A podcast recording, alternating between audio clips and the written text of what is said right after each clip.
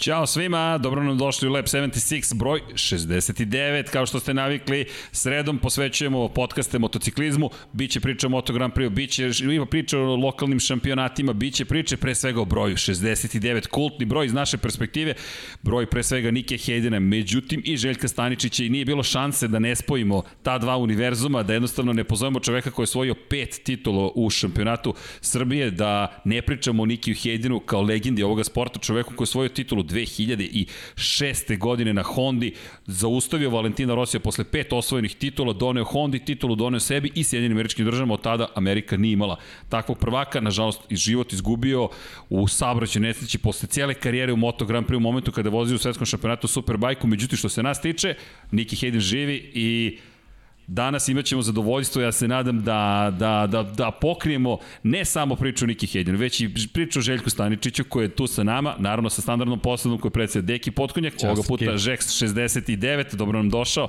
i moja malenkost. Željko, hvala ti što si nam se odazvao pozivu i hvala ti što si došao u studiju na kraju univerzuma, kako ga mi zovemo. Hvala, hvala vam mnogo na pozivu i Deki i tebi srđane i sve pohvale za vaš rad koja i vaša emisija koja sve više i više je gledana i toliko ljudi je kad ste najavili prošle nedelje da ću biti vaš gost, već nekoliko ljudi se javilo, ono kao je bravo, evo baš malo prestigla poruka od jednog vašeg gledalaca koji je rekao uh, svaka čast uh, na gostovanju u pravom podcastu, tako da sve čestitke i još jednom hvala, hvala na, na pozivu, eto, posle toliko godina da kažem sporta, da opet malo se vratim na tu temu. A da, nekako kada je bio spomenut broj 69, rekli smo, ok, Niki Hayden, to je prva stvar koja se setiš, prvi čovjek koji se setiš i kažeš Niki Hayden.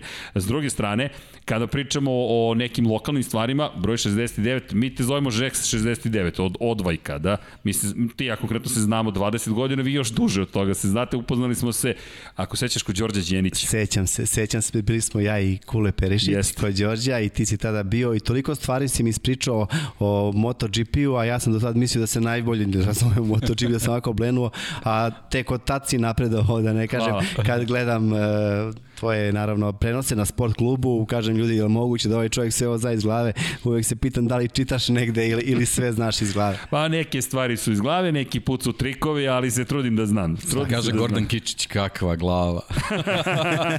Kad izvuče iz malog mozga za NFL-a, tek za Moto Grand Prix. Da, da zabavljali smo. Posebno te F1 da, i da, da, da, da. A Deki ja sam upoznao, mislim, godinu ili dve posle tebe, ali Deki stvarno od uvek imamo saradnju. Ja, baš, sam, baš. ja sam prvi tekst generalno o nekom aranđelovačkom motociklizmu 99. napisao. E, ali mislim da si ti već bio u toj priči, ovaj, sećam se naslov je bio Leteći šumadinci. To je, jest, to je, jest, e, bravo. Tako e, sa tim je krenula, da. Tako da eto, ima ono, prošli vek, prošli da, milenijum. Da, sam se bavio sportom, baš sam imao da, veliku da, da, podršku od da, Eki, ja uvek, da. u kojim god novinama da je radio, uvek mi je ono što se kaže posjećivao pažnju. Pravi šampion je to zaslužuju. Hvala, da, hvala Deki. Da, da, da, pet titula. Pet titula osvojenih pet titula, da, i to neko vreme, ukupno 20 godina bavljena motociklizmom i ono neko, neko proletelo, ovaj, da, eto, prosto ne mogu da verujem. Sad još brže mi je prošlo vreme, od kako sam prestao da vozim tih nekih 8 godina, još brže mi je prošlo, da kažem. Promene se stvari kad se ode u penziju, uslovno rečeno. Bukvalno tako, bukvalno tako. Uh, jedan moj drug pre par godina ovaj, ja kod njega u firmi vidim neku amforu i ovako iskopao, izronio, izvinite, ovaj, ja mu kažem, odakle ti ovo, on kaže meni, eto to dok sam bio živ pa me tu nešto trglo, baš tako nešto to dok sam bio živ kao u nekom smislu tom, dok sam vozio trke, tako nešto, znaš. Ne mogu da kažem da je ovaj živo sad drug, da nisam živ, tu je porodica, tu su moja deca sjajna, moja supruga i sve, a stvarno je ovo posebno neko, ono, mototrke su nešto posebno što je ostalo u meni za uvek, eto taj osjećaj se nikada ne može izbrisati. Kad pričamo o tim osjećajima i o šampionima, moramo da krenemo od vesti. E, obično u ovom periodu se čekamo se nestrpljenjem, predsezonska testiranja, čekamo odlazak u Maleziju, neće biti odlazka u Maleziju, ali što se nas tiče studiju na kraju univerzuma, putuje kroz univerzume, ovoga puta Moto Grand Prix iskoristit ćemo priliku. Pričat ćemo o tvojoj priči, spojit ćemo sa pričama o Nikim Hejdenu, prosto imate tu vezu, broj 69, ali I postoji tu još jedna veza kada pričam sada o, o, o, o vestima. Ducati, koji inače stigu nam je Ducati, Lego Technik nam je stigao, poklon od Aleksandra koji se javio u prenosu i doneo je kao što je obećao, mada mi čekamo onaj veliki Ducati koji ćemo da spajamo danima, dan, pretpostavljam. Ducati. Predstavili su najnoviji motocikl, predstavili su ekipu koju smo znali da ćemo gledati u 2021. godini, Francesco Banjaja, Jack Miller u fabričkim bojama i nadam se da ćemo imati priliku i da vam predstavimo taj motocikl tokom emisije, da vidite i fotografije onoga što je Borgo Panigale pripremio za novu sezonu. Delovalo je zaista impresivno kada pogledate boje, kada pogledate sponzore, ono što jeste tu zanimljivo, samo da provjerim sa Vanjom, Vanja, jel imamo neku fotografiju možda Ducatija da ubacimo, da iskoristimo priliku i da, da, da zajedno uživamo, prosto za one koji slušaju, prenećemo vam naše utiske, kada pogledate, dosta nam je ta mala fotografija, znam da ti imaš 24 godine, ali Željko, Deki i ja videti ništa nećemo. Čisto da znaš, mi to ne možemo da vidimo, to nama izgleda kao da nas testiraš za vid. Dakle, da li momci vreme za oftalmologa ili ne, Željko ne zameri, ali cenim da smo svi tu negde. Kada je reč o godinu, u svakom slučaju, Kada budete vidjeli motocikl, ono što je meni zanimljivo jeste polako odvajanje od sponzora koji dolaze iz duvanske industrije i danas je saopštenje stiglo još jedno, a to je da zapravo se produžavaju neki drugi ugovori i to je ono što mi je bilo vrlo zanimljivo, da ćemo u novoj sezoni, inače posle ćemo pričati o toj eri Nike Hedina sa Valentinom Rosijem u Ducatiju, to je takođe obeležio jedan veliki deo priče i ono što je zanimljivo, Lenovo tim je sada u pitanju, dakle Ducati Lenovo se zove ekipa, odlazak ka, možemo reći, industriji, industriji tehnologije i Unipol Sai koji se pridružio u celoj priči, to je osiguravajuća vodeća grupa Unipol, dakle pokušaj, čini da, mi se... Oni su već dosta dugo tu, ali je, sad su sada, malo ozbiljni, to je jeste. malo istaknuti, da. Jeste, Mission Vino i dalje tu, Philip Morris i dalje sponsor, međutim, zahvaljujući promjeni legislative, malo su se stvari promenile. Zašto ovo spomenjamo? Pa napomenjamo iz perspektive toga da timovi produžavaju ugovore do 2025. godine, Honda je potvrdila svoje učešće, pričali smo o privatnim timovima koji potvrđuju svoje učešće, tako da je ovo, ovo su pozitivne vesti za Moto Grand Prix, iz te perspektive smo uzbuđeni, a kada budete videli fotografiju kako izgleda Ducati, verujem da ćete biti, ukoliko ste navijači Ducatija, veoma, veoma zadovoljni onim što su prikazali. U velikoj meri, naravno, crvene boje su tu. Vanja, jel nam vraćaš na kadar koji ne traži to, Vanja, pogledajte, lepote samo što su prvi motocikli, pa da kažete lepote, s druge strane, Moto Grand Prix je u pitanju. Pogledajte Lenovo, koliki je znak Lenovo i to verujem da jeste važno. Ima tu malo više crne boje. Kako, kako tebi Željko izgledalo? Odlično, Spacey kao i uvek za Ducati. Da, baš izgleda su... kao fut, kao da iz nekog drugog. Čak u 21. veku izgleda kao da su otišli u sledeći 22. vek. Samo neobični brojevi. Sad na brojeve trebamo da se naviknemo. Da, da, a brojevi, brojevi, imamo da. priču o brojevima. 76 je nekako naš zajednički broj, ali... Eto, ali ovaj, ovaj australijski 43. 43. Ti, to podsjeća na onu 27-icu. Tako da.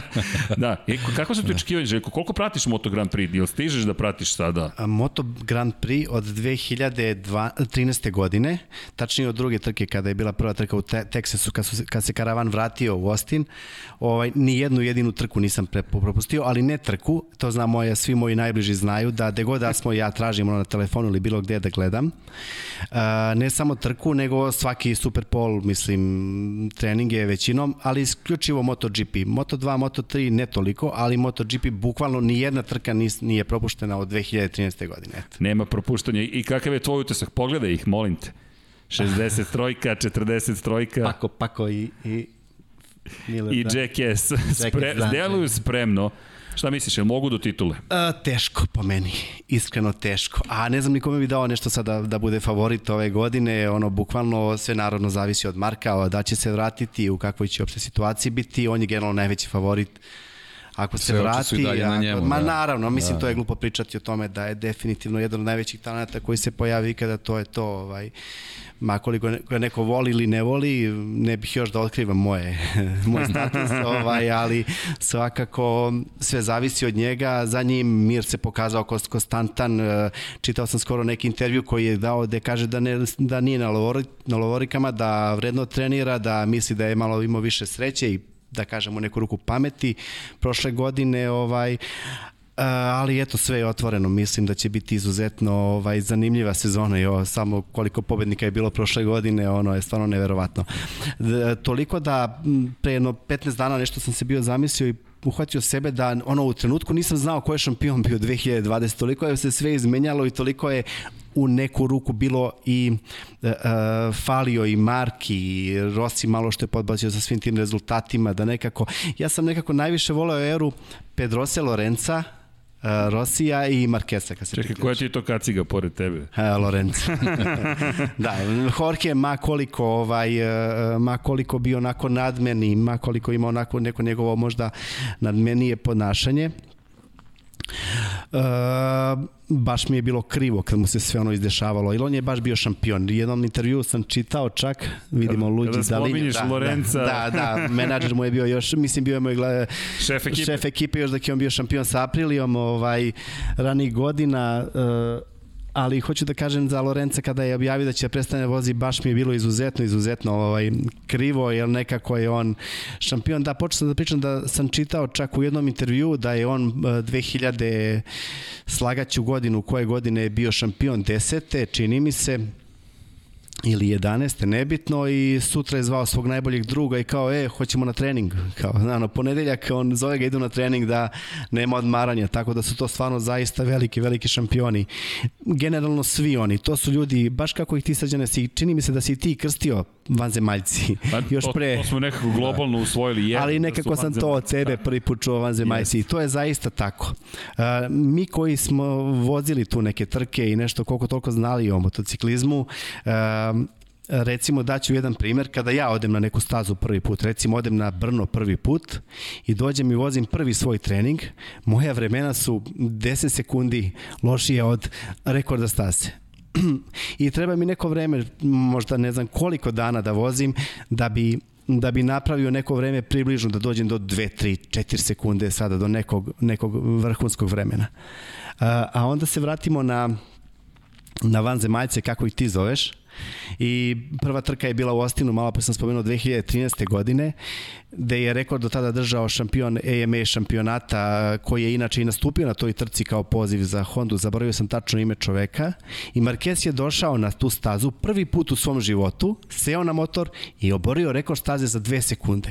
Ljudi, vi to ne možete da zamislite koliko je to teško i koji je to drugi da kažem univerzum od svega ovoga što što znači to je nešto nezamislivo ovaj uh, i zbog toga pravi nadimak vanzemaljci pogotovo sam tako doživljavao da kažem uh, uh, Pedrosu, Lorenza, Rosija i Markeza tih nekih godina dok su svi zajedno bili. Da, ti si, ako si počeo 2030, tačno si, tačno si završila era Casey Stonera. Jeste. I Casey sam volao, ne, ne kažem da pre toga nisam gledao. Gledao sam jasno, skoro jasno. svaku trku, nego sam imao svoje obaveze, svoje Tako trke, je, pa nisam nedelja, Weekend, znaš, da, nedelja da, da, trenzi, da, trke, pa nisam uha, uh, uspeo da uhvatim svaku, ali ono od, inače od 92. bukvalno pratim trke, još od Rejnija, pa redom da ne nabrajam sve šampione i Duana i Krivija 99 i redom, mislim, mislim da mogu čak i da nabrajam po godinama, možda sve šampione do danas od 92. Ali nebitno, da se ne vraćamo sada na to.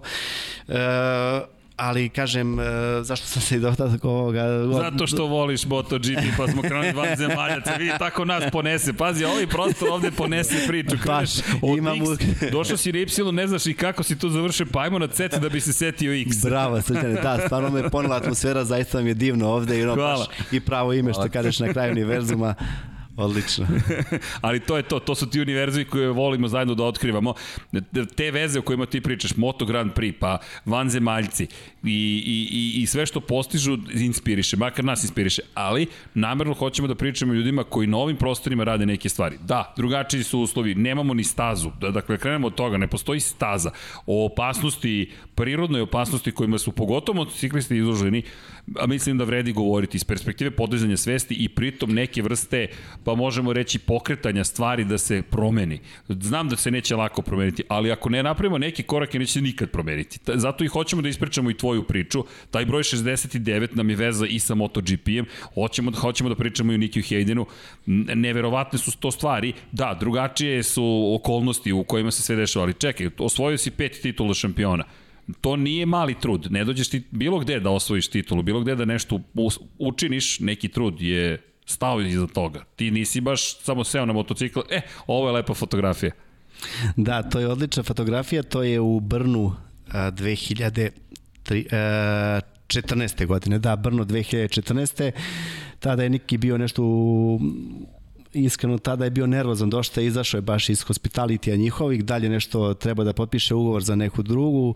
I da li znaš do koje godine je vozio Nicky Hayden MotoGP? E, na pamet, ja mislim da je tačno 2014. da je 15. trebalo da ide u Superbike. Jeste, i otišao je i tada je ovaj, baš negde brno je otprilike uh, trenutak kada oni već definišu svoje statuse za sledeću, za sledeću godinu godinu, i da, mislim da. da tada nije baš potpisao ugovor naredni i ovaj, baš je bio nervozan onako pa prolazio tu, ja kažem da da ga uopšte pitam da se slika ovo i baš i čini mi se da je onako bio prilično nervozan ovaj Ali, ali i oni su ljudi. I oni su ljudi. I oni su ljudi. I pogotovo ako uzmeš u obzir, to je čovek koji je osvojio titulu. To osvojio titulu, imamo i fotografije iz, iz tog perioda. Čovek koji je nosio broj 1, on je sa 69 ali kada je osvojio titulu, na motoru je ponosno stajala jedinica. To je sad čuvena ta priča. Da, mi sad pričamo, čekaj da imamo mira, šta će... Čekamo saopštenje. Da, Evo ga, hvala da, Vanja, da. bravo. -hmm. Ovo je iz arhive Honda fotografija. Vidi ga. 2007. znači.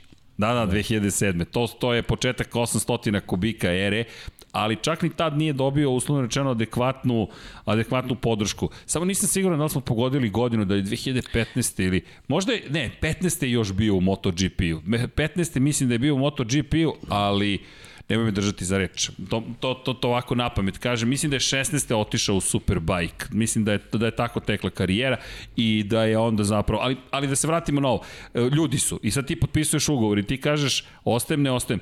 Nama to delo je pa dobro, bilo, bilo je super, vozio si, osvojio si titulu, ali uvek želiš još. Zamisli, neko ti kaže, došao je kraj bajci, vreme je sada da gde god. Koliko god poštovao svetski šampionat u Superbajku. Moto Grand Prix je Moto Grand Prix to je krem de la krem. Tu si na, na najvišem mogućem mestu kada je reč o motociklizmu, a on kao šampion, htio sam baš da, da iskoristim ovu priliku kada nosio broj 1, nije dobio podršku čak ni 2007. adekvatnu. Honda se fokusirala na Danija Pedrosu, Dani je stigao 2006. Niki je neko ko je kao usputni vozač tretiran na neki način i u potpunosti motocikl bio podređen Pedrosi. To nije kritika Pedrosi, to je prosto Honda izabrala kao neki svoj dalji put, ali Niki je bio specifičan, veliki radnik, čovek koji je relativno brzo uspeo u Moto Grand Prix, 2003. godine stigao u Moto Grand Prix, rekli smo 2006. osvojio titule. To je relativno kratak put kada pogledaš. On je stigao u eri Valentina Rosija i stigao je u tim Valentina Rosija, Oni su delili zajedno, a ovo je već drugi, a, Vanja, Vanja me vrti u krug. Ovo je njihova druga saradnja. Da, hvala Vanja, podsjetnik da ne bude da je Rossi bio samo... Oni su sarađivali u Hondi, Niki kada je stigao 2003. godine, bio je klubski kolega Valentina Rossi u toj premoćnoj Repsol Hondi. 2004. i 5. kada je osvajao titule Valentino Rossi, to su bile titule sa Yamahom, ali su prvu godinu proveli zajedno. Niki je već tada uspio da dođe na pobedničko postolje. Nekako smo već ušli u priču o Nikiju, izvinite, ali to se tako događa. Šta si ti radio 2003. Čekaj da spojimo vaše priče. Šta se tu događalo? 2003. E, Suzuki sam vozio 1000 u šampionatu Srbije, sećam se, i, i u istočnoj Evrope, gde nikada, nažalost, nisi imao neke uspehe specijalne, sem kod nas na trkama, stalno sam imao neke probleme, da li padove, da li kvarove na motoru. Uh, tada je manjkalo sponzora baš baš. Ovaj, pa nije ni bilo baš prilike da se ovaj, nikad nešto adekvatno nastupi na nekom šampionatu što se kaže nije bilo uslova kao što su imali Bugari, gde je cijela jedna, da kažem, ministarstvo sporta stajalo iza njih i da su imali ogromno jake sponzore i ono, bukvalno trke za šampionat. Ne, njihovi vozači kad se pojave kod nas, bukvalno su kao fabrički timovi izgledali isto, od, isto, od, od opreme, jest, motocikala, jest. I trke za, dizajna, sve, trke se sve, kod njih sve. prenose na ono, nacionalnoj televiziji. Toliko su imali ovaj bivši motociklista je bio inače u ministarstvu sporta, možda čak i ministar i onda je toliko to gurao da je to ne, neverovatno. Ovaj, bili su baš što jedan da kažem nekoliko godina ispred nas što se Da, to je period kad je Martin Choi bio, al tako? Jest, on je, jest. Da. Martin Choi i dan danas vozi. i međunarodne ovaj, Jest, da. on i dan danas vozi, bio je šampion Alpe Adria Kupa i tako da ovaj još uvijek je tu. Kako si ti uopšte ušao u trke? Motocikala. E, Otkud motocikli i zašto trkanje? I s koliko godina? 14 godina, bila je trka u Aranđelovcu, 92. godine, ja sam 78. inače. I čisto ono kao otac uh, mi rekao, je, bit će trke u gradu, ja imam neki ATX, to je motocross motor. A inače već ima staž. Tako ti se već par godina pre toga vozio motocikl. Po da, na ulici. Da, da, da. da, da. ovaj, nemojte i, to raditi. da, nemojte nikako. Kad se setim sada, da. mislim, gde mi je bila pamet, ono, bez kočnica, bez kaciga, bez ičega ono po gradu, mislim to je sreća, samo čista sreća da, da, da, da nije, da je sve prošlo normalno, ovaj, čini mi se da svoj, svom detetu nikad ne bi dao sad da vozi motor na ulici, pa jeste malo absurdno zvuči, ali je tako ovaj. Ali to normalno u, u uh, Ali ka, kako da zabraniš? Kako te, ili tebi neko mogu da zabrani? Ne, mene je otac momi kupio motor. Ja sam imao tu sreću da je moj otac bio zaljubljenik u motore koji nikad nije imao uslove. E, doduše nije imao neke uslove ni kad sam ja bio mali, ali je onako baš gledao da mi ispunili sve želje. Ovaj, I kad je rekao da ima trka, ja onako bukvalno čista mira kao, pa ajde vozimo, kaže ajde. I ono, bukvalno prva trka sa cross gumama, sa onim kramponkama i to u gradu, mislim, gradska trka ulična i to mi se svidi i onda je sve onako nekako išlo usput, ono, ćale, sve što imao A kako je tvoje sećanje te trke u Aranđelovcu? Pa ne Pošto samo na tu si, trku. Ti si iz grada koji ono, da, da, da. ljudi kažu da je to ostrovo man što se tiče Baš ovih tako, prostora. identično, prostora, da. identično. Znači, Ivičnjaci, Banderec, grade, uh, samo je dobro je što, da kažem, dobro je, imali smo odlične štitnike. Ako neko izleti daleko bilo sa staze, nikad se nije desilo, hvala Bogu da kažem, nikada, ali ljudi su stajali skroz u stazu. I to je bilo ono, bukvalno živi zid uz celu stazu. Ako neko pogreši, ode u ljude. To je neverovatno neverovatno bilo. Cela staza bila je dugačka nekih možda pa ne puna 2 km, svuda okolo su bili ljudi, imam slike, nažalost zaboravio sam da ponesem neku sliku od toga, ali to je ono baš spektakularno. Samo sreće da se nije ništa desilo loše. Kako ti izgleda kad neki klinac od 14 godina stane na start, a ljudi tu a još komšije pa ti znaju. Pa... Da, da, ma to je ne, ne, neopisivo, ma i to su baš trenuci kojih se sećam, mislim da su za, za, za uvek ono, ovaj, urezani. I ne samo ta godina, trka u Aranđu se vozila od 92. do 98 ovaj, uopšte to je bilo posebno ono pripremano. Prva, druga, treća kočiš krivina, prva, druga, treća kočiš krivina, krivina i to. Zadnju trku sam baš pobedio 98. godine i imam lepo sećanje na tu trku baš i onda je neko možda i pametno rekao, ljudi imali smo sreće, ovih šest trka je prošlo bez problema, ajde da ne rizikujemo više, ali stvarno i asfalt je se više promenio i motori su bili sve snažniji i snažniji i konkurencija je bila sve jača i jača ono i onda možda i bolje što smo otišli na koliko toliko drugačije staze koje isto u Srbiji, kao što si ti srđane malo pre rekao, nisu adekvatne, mislim sve su ulične, vojni poligoni aerodromi, ovaj, dosta su opasne i, i mm, kao što si rekao, Ostrava Man, bukvalno, bukvalno tako ovaj, u Srbiji. Za one koji ne znaju, to je naj to je legendarna trka i to je mesto gde je apsolutno test svaka krivina života, bukvalno. Bukvalno. Oni prolaze na centimetar pored zidova i to mi smo pričali, baš diskutovali, gde on tako gađa da prođe kroz krivinu, on zna već gde je, ban, gde je bandera, gde je kuća, gde je ograda i to je neko drugo vreme, iz nekog drugog vremena trka koja je jedina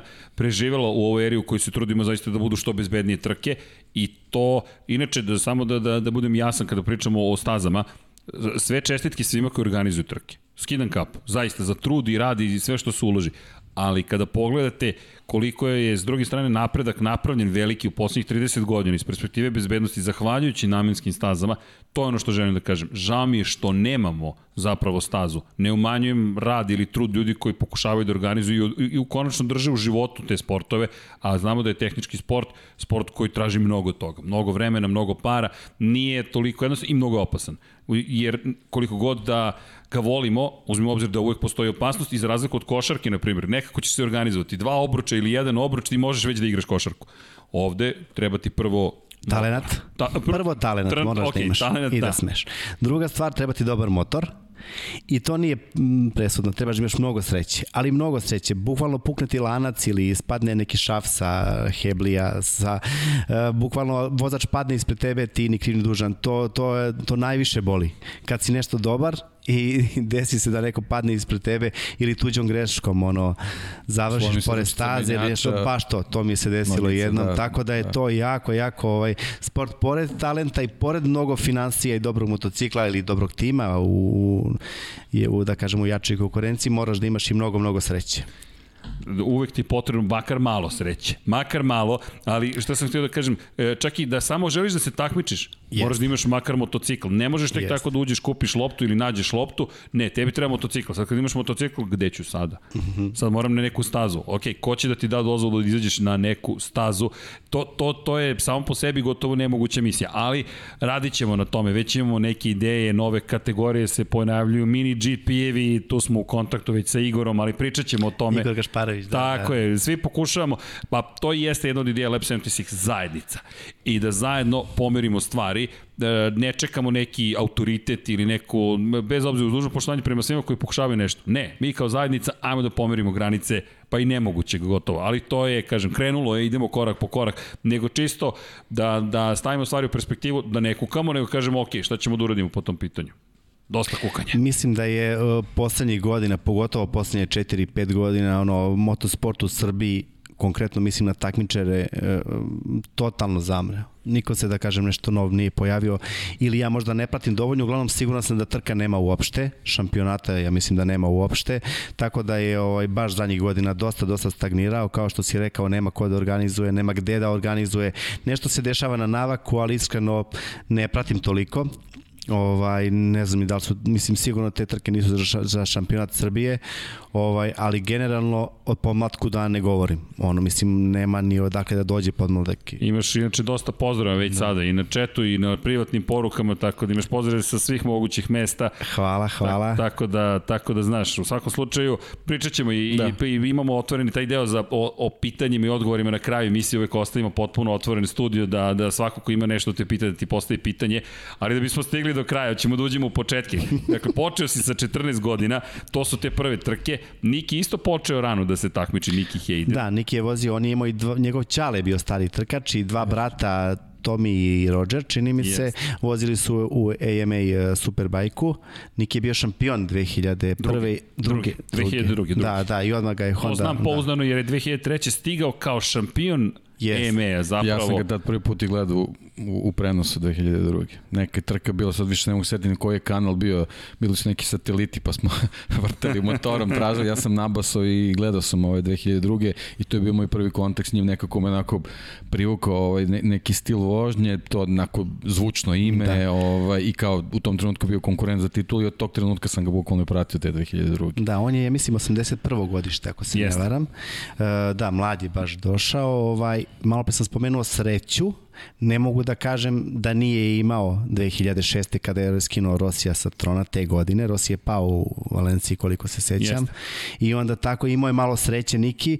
Rosija je mogo da završi trku i čini mi se Pa dovoljno je bilo da bude... Ne umanjujem njegovu titulu, ne, ne, svaka mu čast. Ne, pomišljam. Da, ne, ne, ne, ne, ne umanjujem svaka čast, ali u neku ruku je imao i sreću, da. Pa pričali smo baš o tom specijalu u Rosiju, koliko te 2006. se dešavalo bizarnih situacija Valentinu Rosiju, međutim Pedrosa kada je skinuo sa motora Heidena u Portugaliji, u predposlednjoj trci, Rossi zauzeo prvu poziciju u šampionatu, kao da se onda sve svelo, ok, sad je sve poravnato, imate tu poslednju trku, pa neka bolji pobedi, Rossi napravio grešku, jest, Niki na kraju završio na trećoj poziciji, ona čuvena scena sa Erlom, tatom, zagrljeni sa... I plače, da. Jeste, da, i plače da. i sa američkom zastavom vozi po Valenciji, to svi pamtimo, tu su nam zastave, pozdrav još jednog za našeg Đorđe Krstića, prijatelja koji nam je dao 69-ke, vidiš da smo u brojevima, imamo tvoj broj, uvek je tu. Uh, voleo bi da ispričam malo istoriju istoriju mog broja. To sam da te pitam, da. ajde kada smo Nije od Niki Haydena. 69 je, ne znam i sam kako mi je došao na pamet, 99. E, godine, vozio sam tada 250 dvotakne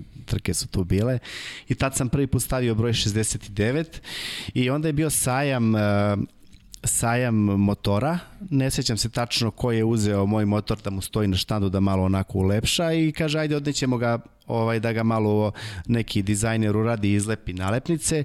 I kaže se slažeš? Ja kažem može. Kaže ali imaš neki fond za tvoj broj? Ja kažem nemam bilo je obično 6 9 najnormalnije uradi kako hoćeš I ovaj, kad sam otišao da vidi motor, bio je sa zvezdicom, 69 sa zvezdicom, ja sam se oduševio.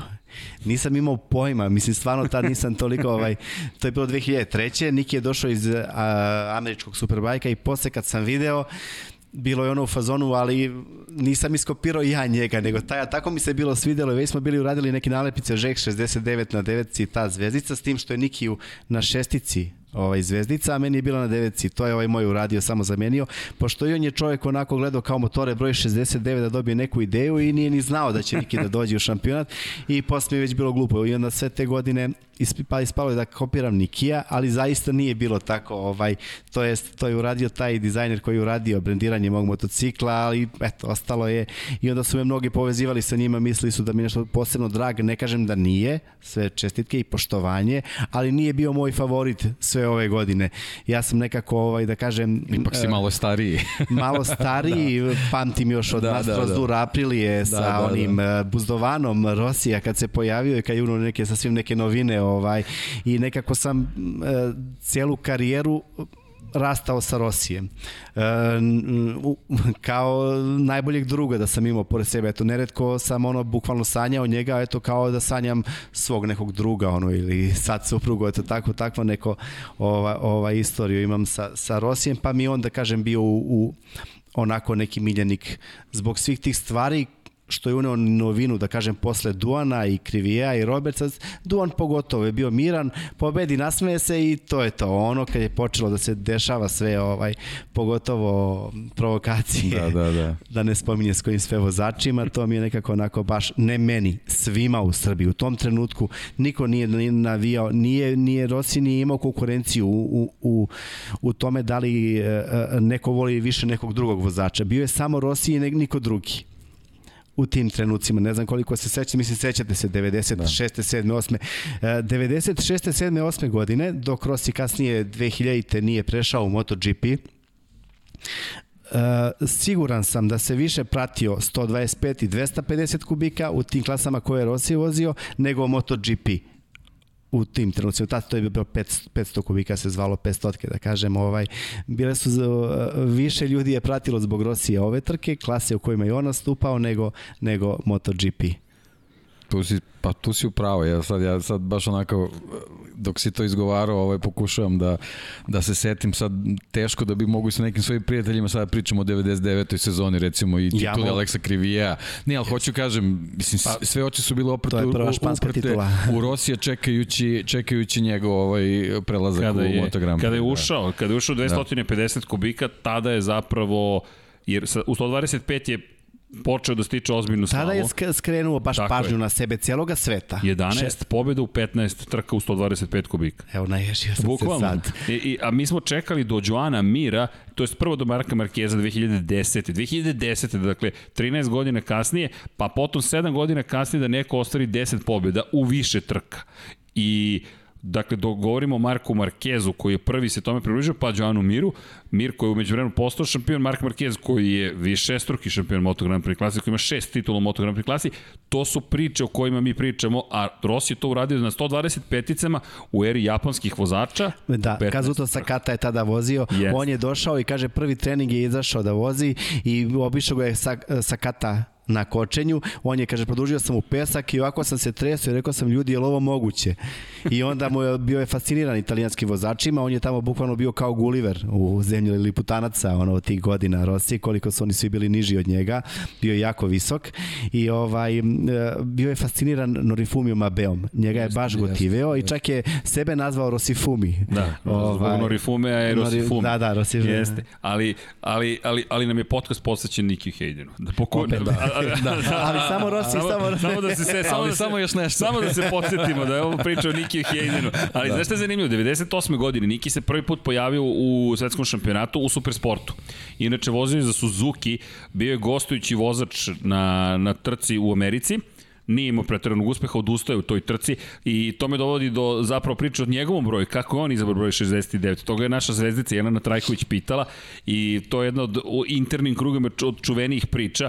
Broj 69 je izabrao kako bi njegova porodica znala kada padne da je to sigurno on i kada digne ruku da znaju da je on, pošto je taj broj uvek isti. 69 kako god da ga postavite, to je 69 i onda i svi roditelji i braće znaju da je to on i on je rekao uvek digneš ruku, to je čuveno pravilo, dižeš ruku ne zbog redara, ne zbog medicinskog osoblja, nego man porodica da zna ok sam ljudi. Da, i, i tradicija I to to. svih važnih pobeda da je otac uvek sedeo pozadi na motociklu da ga on provoza. To, je, to ima neke tradicije i to se desilo i 2006. Jeste, u Valenciji, da. Erl. I, I dosta su u Americi nastupali, on je čak 2002. u svetskom šampionatu u Superbajku se pojavio kao gostujući vozač u Americi, Laguna Seca u to vreme, nije postojala kota, Circuit of the Americas je mnogo kasnije došla na red i, i Niki koji prvu pobedu stvario zapravo u Laguni Seki, ali ono što je meni fenomenalno jeste, već se videla ta tendencija da gleda ka svetskom prvenstvu. 98. godine, sa 17 godina ti sedaš na Suzuki, dolaziš kao gost i pokušaš da se probiješ, ali Honda je videla u njemu nešto nešto što bi mogla da iskoristi kako i marketinški i trkački, brz si, imaš nešto u sebi, počinje nova era, već je počela nova era Moto Grand Prix, ne zaboravimo, 2001. smo mi još uvek imali 500 2002. počinje četvorotaktna era, 990 kubika, motori kod Honda V5 motor, kod ostalih V4, do, osim Aprili koje je Cube napravila sa V3 motorom, onaj koji je goreo čuveni sa Colinom Edwardsom, no, to je, da, to, to, to, to treba da napravimo istorijet tog perioda i Niki koji dobija poziv Honda, Repsol Honda ni manje ni više, da postane klubski kolega Valentina Rosija. Koliko je Honda cenila ono što je učinio, ali i koliko je verovala da vredi. Inače, kada je vozio u svetskom šampionatu Superbajku, e čekaj, da li se sećaš RC51, da li se sećaš VTR-a? Kako se ne Kako sećam Superbike? Pa, to je taj motocikl, ja ga Ali, obožavam. E, sa VTR-om je 2002. Colin Edwards vas bio šampion u Superbike-u. Sa Braylisom se jurio. U Imoli, čuvena jest, trka, to, o tome jest. smo pričali, gde je Honda napravila moto, motor u serijskoj proizvodnji dvocilindrični od 1000 kubika samo da pokaže Ducatiju.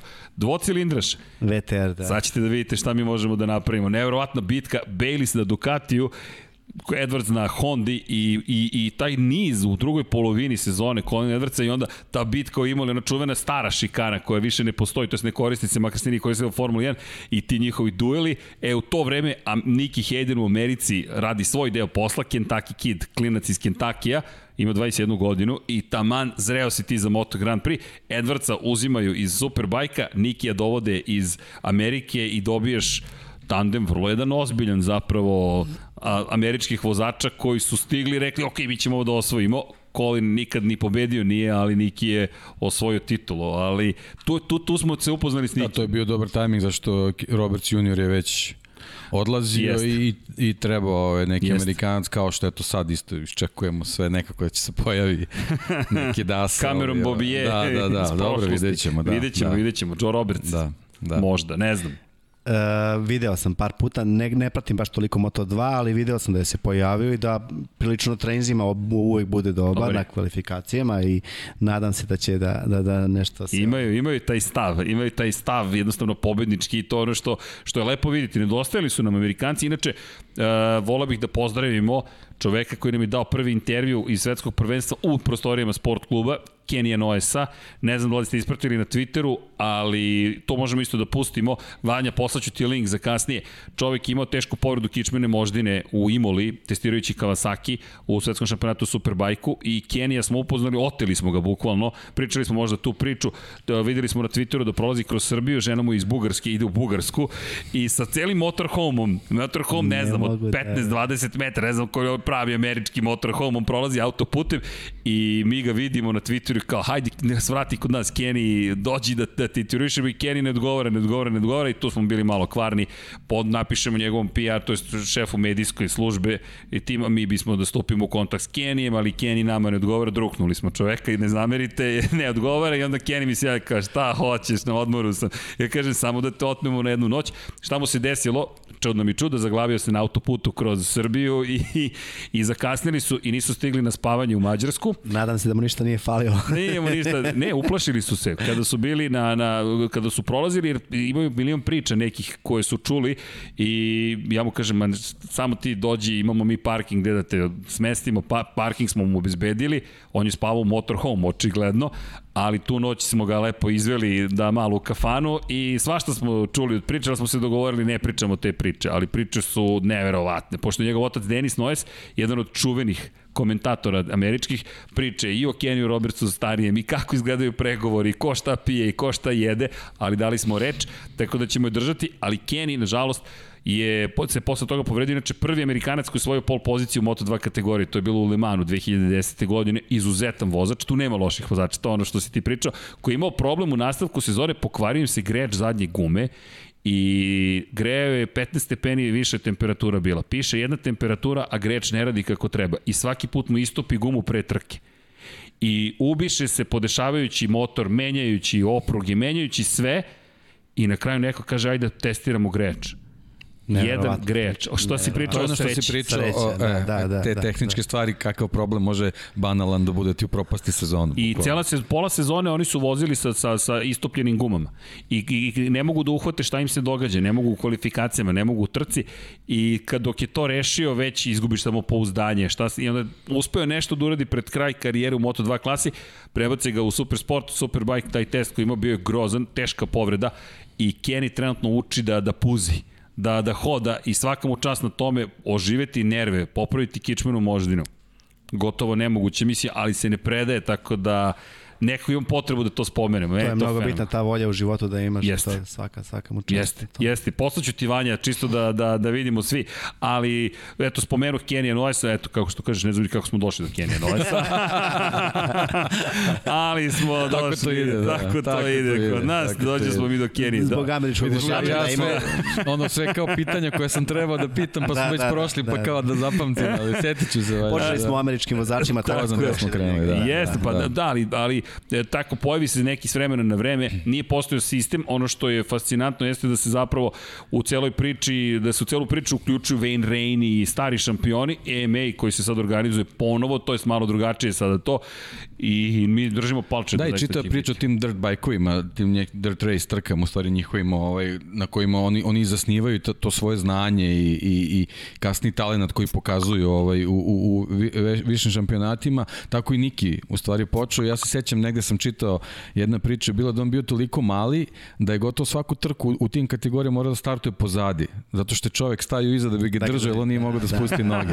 I taj čovek uh, se zvao Jerry Clark, ovaj, on je, on je ovaj, praktično živeo s porodicom Hayden, on je bukvalno bio i mehaničar i dadelje za sva troje klinaca, baš je pomagao ovaj, roditeljima oko njih, vozio ih u školu, vraćao ih iz škole, ručao s njima, pripremao im motocikle, odela, učio ih sve, Malo sve me žive. podsjeća na Emilija. Da, da, sve, sve, sve žive ovaj stvari i on je ovaj, u jednom intervju ima, ispričao je, generalno pričao Nikiju koji je bio ono, jedve čekao da dođe u škole da baci stvari, da seda na motocikl i da, i da vozi od malih nogu I on je, dok je klinac još bio, kad su ga pitali kao šta bi želeo da uradiš, on je rekao da budem superbike šampion Amerike u MMA.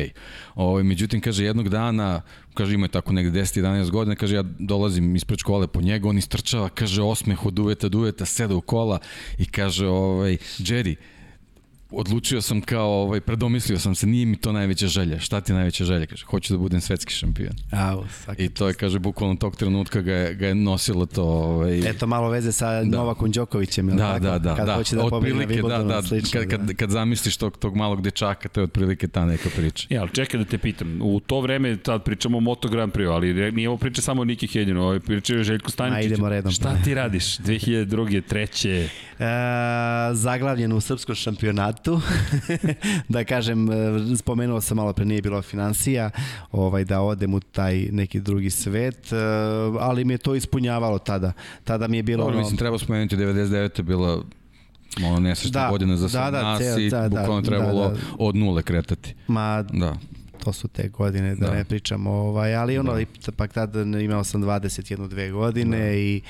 Ali treba reći, mislim, da god su se vozile te trke, deset, ono, nekoliko hiljada ljudi uvek, na, uvek, na, na trkama, sećam uvek se bilo, Beranovac da. na onom zidu sede, jest, samo jest. čekaš kada će neko padne dole, kasnije Vršac kad je bio onaj, onaj pravac, to je bilo ono nepregledno koliko ljudi bilo stvarno je bilo, to, to su bile baš onako lepe godine i imali smo vozači iz Slovenije i, i Bugari su dolazili. Bukvalno je bio naš šampionat da. srpski ono najjači, zato što da. dođu i Slovenci i Hrvati, na pojedine trke u Batajnici je bilo po 40 vozača u klasama, ovaj, e, gosti Hrvatska, Slovenija, Bugarska, Rumunija, Grci su dolazili. Svetsko baš, prvenstvo. Bukvalno šampionat Evrope se vozio, da, da kažem, ajde kažem, Balkan ili ostalo, ali svaka trka koja se dešavala za srpski šampionat šampionat je bila neverovatno posjećena.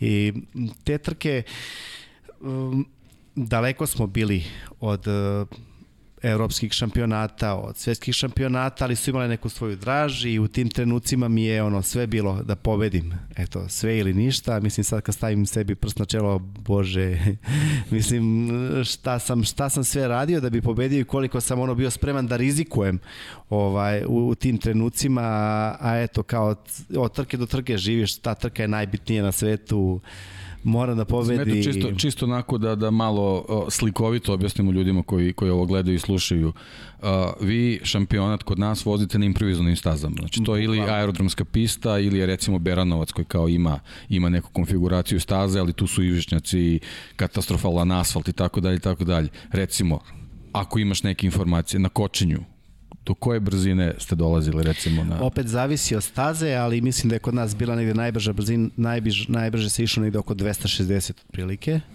Ovaj, a krivine zavisnosti imalo i krivine koji se prolazi kroz 40 na sat. Zavi, mislim bio je Mišeluk, do 2002. smo vozili Mišeluk koji je totalno bio sa onim, to, to je autoput, Tako nije je. čak ni, ni aerodrom, autoput koji ima bankine, tačnije one ograde uh, u, u, u, u samu stazu i ako padneš zakucaš se u Uh, a gledam. Negde na pola, ja mislim da počinje pa trka. Da, pa da, pa da, pa da, malo je rano pustiti. Da, to, to, to, to negde oko 7 minuta. Da, Kako da. otprilike to izgleda? Kako Evo, izgleda? ovo je kada da. sam ja ili Milovanović, to sam ja, da ne bi udario u točak Milovanović, izleteo sam, eto kako to izgleda. Ovo je najbolja staza u Srbiji, da kaže. Jedna od najboljih, mislim, pa ali opet ovaj Da, ovo mi je baš draga uspomena. U trku sam pobedio, ovaj, pored tog izletanja. Ovaj, da, ovde je delovalo da je izgubljeno sve. Da, tu je delovalo da je izgubljeno. Eto, sam ono stegao zube i požurio i da kažem, ovaj, jedna, jedna od mojih omiljenih trka ovaj, koje sam vozio. Malo smo trebali to da izmontiramo, nisam znao da će nema pustiti. Vez, ovo, nema veze, pa i ovde pa malo... Ti si studiju da na kraju univerzuma, vidi, da, mi da, to da, uhvatimo da. na YouTube-u smo našli. Evo, evo, to je već kad sam prišao konkurentu Milovanoviću. Milovanović... Ovo što ste čuli, to je bio udarac u sto, koliko uzbuđenja to donese. Bukvalno.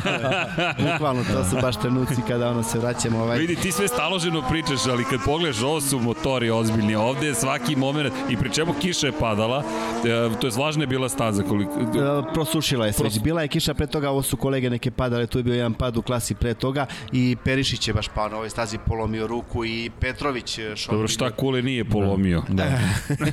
da. Nažalost. Nažalost. Ali da, toga je bilo bilo mogo.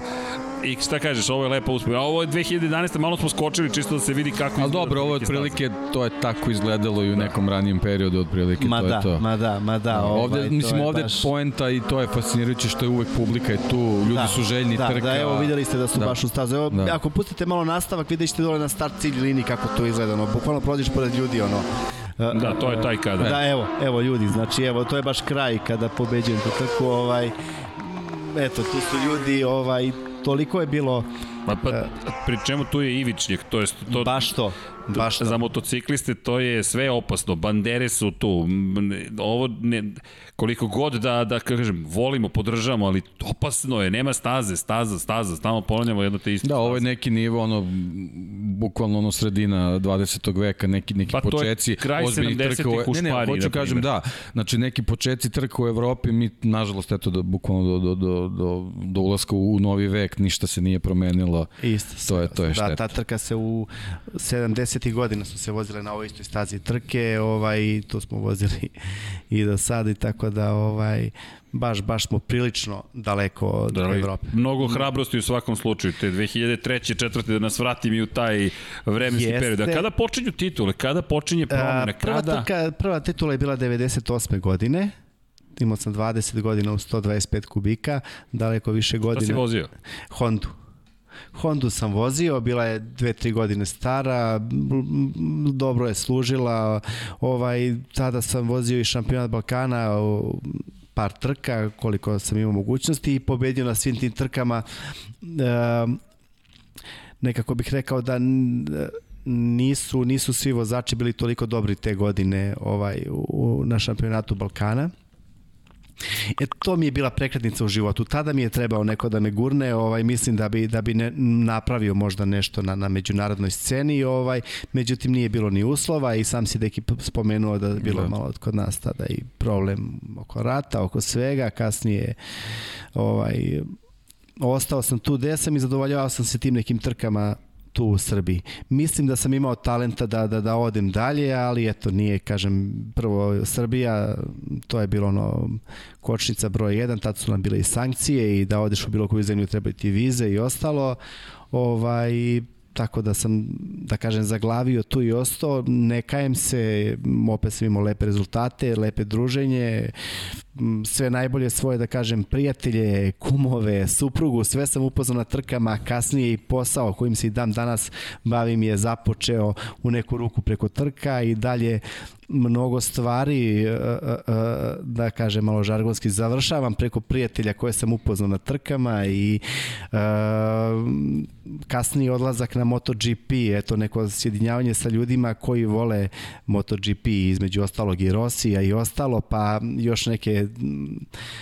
opet da kažem poslove nove, ovaj nenormalan broj ljudi prati MotoGP. Mislim i to ljudi za koji nikada ne bi re, ne bi rekli nikad.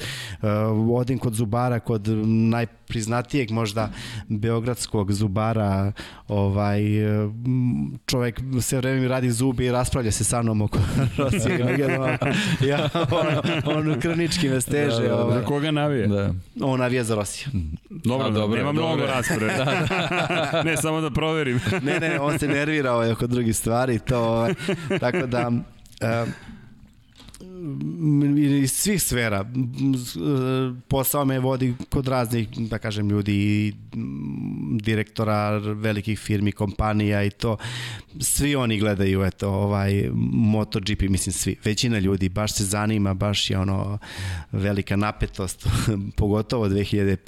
16. je bilo ono 17. ovaj ono, toliko žustrih rasprava i sa jedne i sa žute i sa crvene strane dakle da Ovaj, Vrati smo se mi na Rosiji i Marquez. Da, ne kako da pobegnemo, a jedva čekam, jedva čekam da započnemo malo o tome svemu.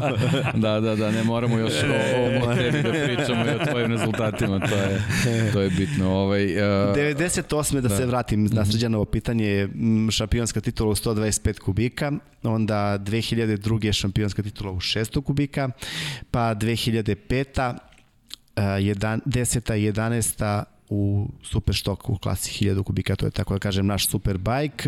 Između toga dosta titula, tri titule izgubljene na zadnjoj trci, e, što padovima, što kvarovima na motoru.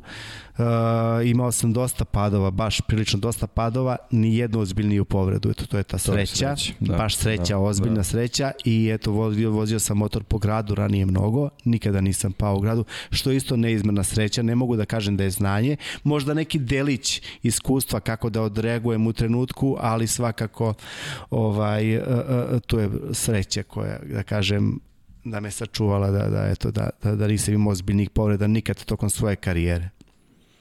To, je, to, to, je važno, to jeste da, sreće. To je, to je pa, najvažnija stvar iz, iz ove neke priče kad, kad, kad pričamo o tim detaljima. Ne, ovaj. Nekako meni, izvini, da uvek mm -hmm. mislim ironija je javlja u glavi da, da je Niki isto tako kroz celu karijeru sve prošao, takmičiš se u Moto Grand Prix tolike godine, u EMA-u, osvajaš titule, boriš se protiv najboljih od najboljih, i onda u saobraćajne nesreće na biciklu Da, i evo Norifumi Abema, opet smo ga spomenuli, Tako isto, je, isto, isto, da. u, u Japanu, da. da ne pričamo o Schumacheru i njegovoj, eto, to su sve neke banalne stvari. Banalne Schumacher, stvari, koga se da. sećam da je padao, bukvalno on je vozio dve godine uh,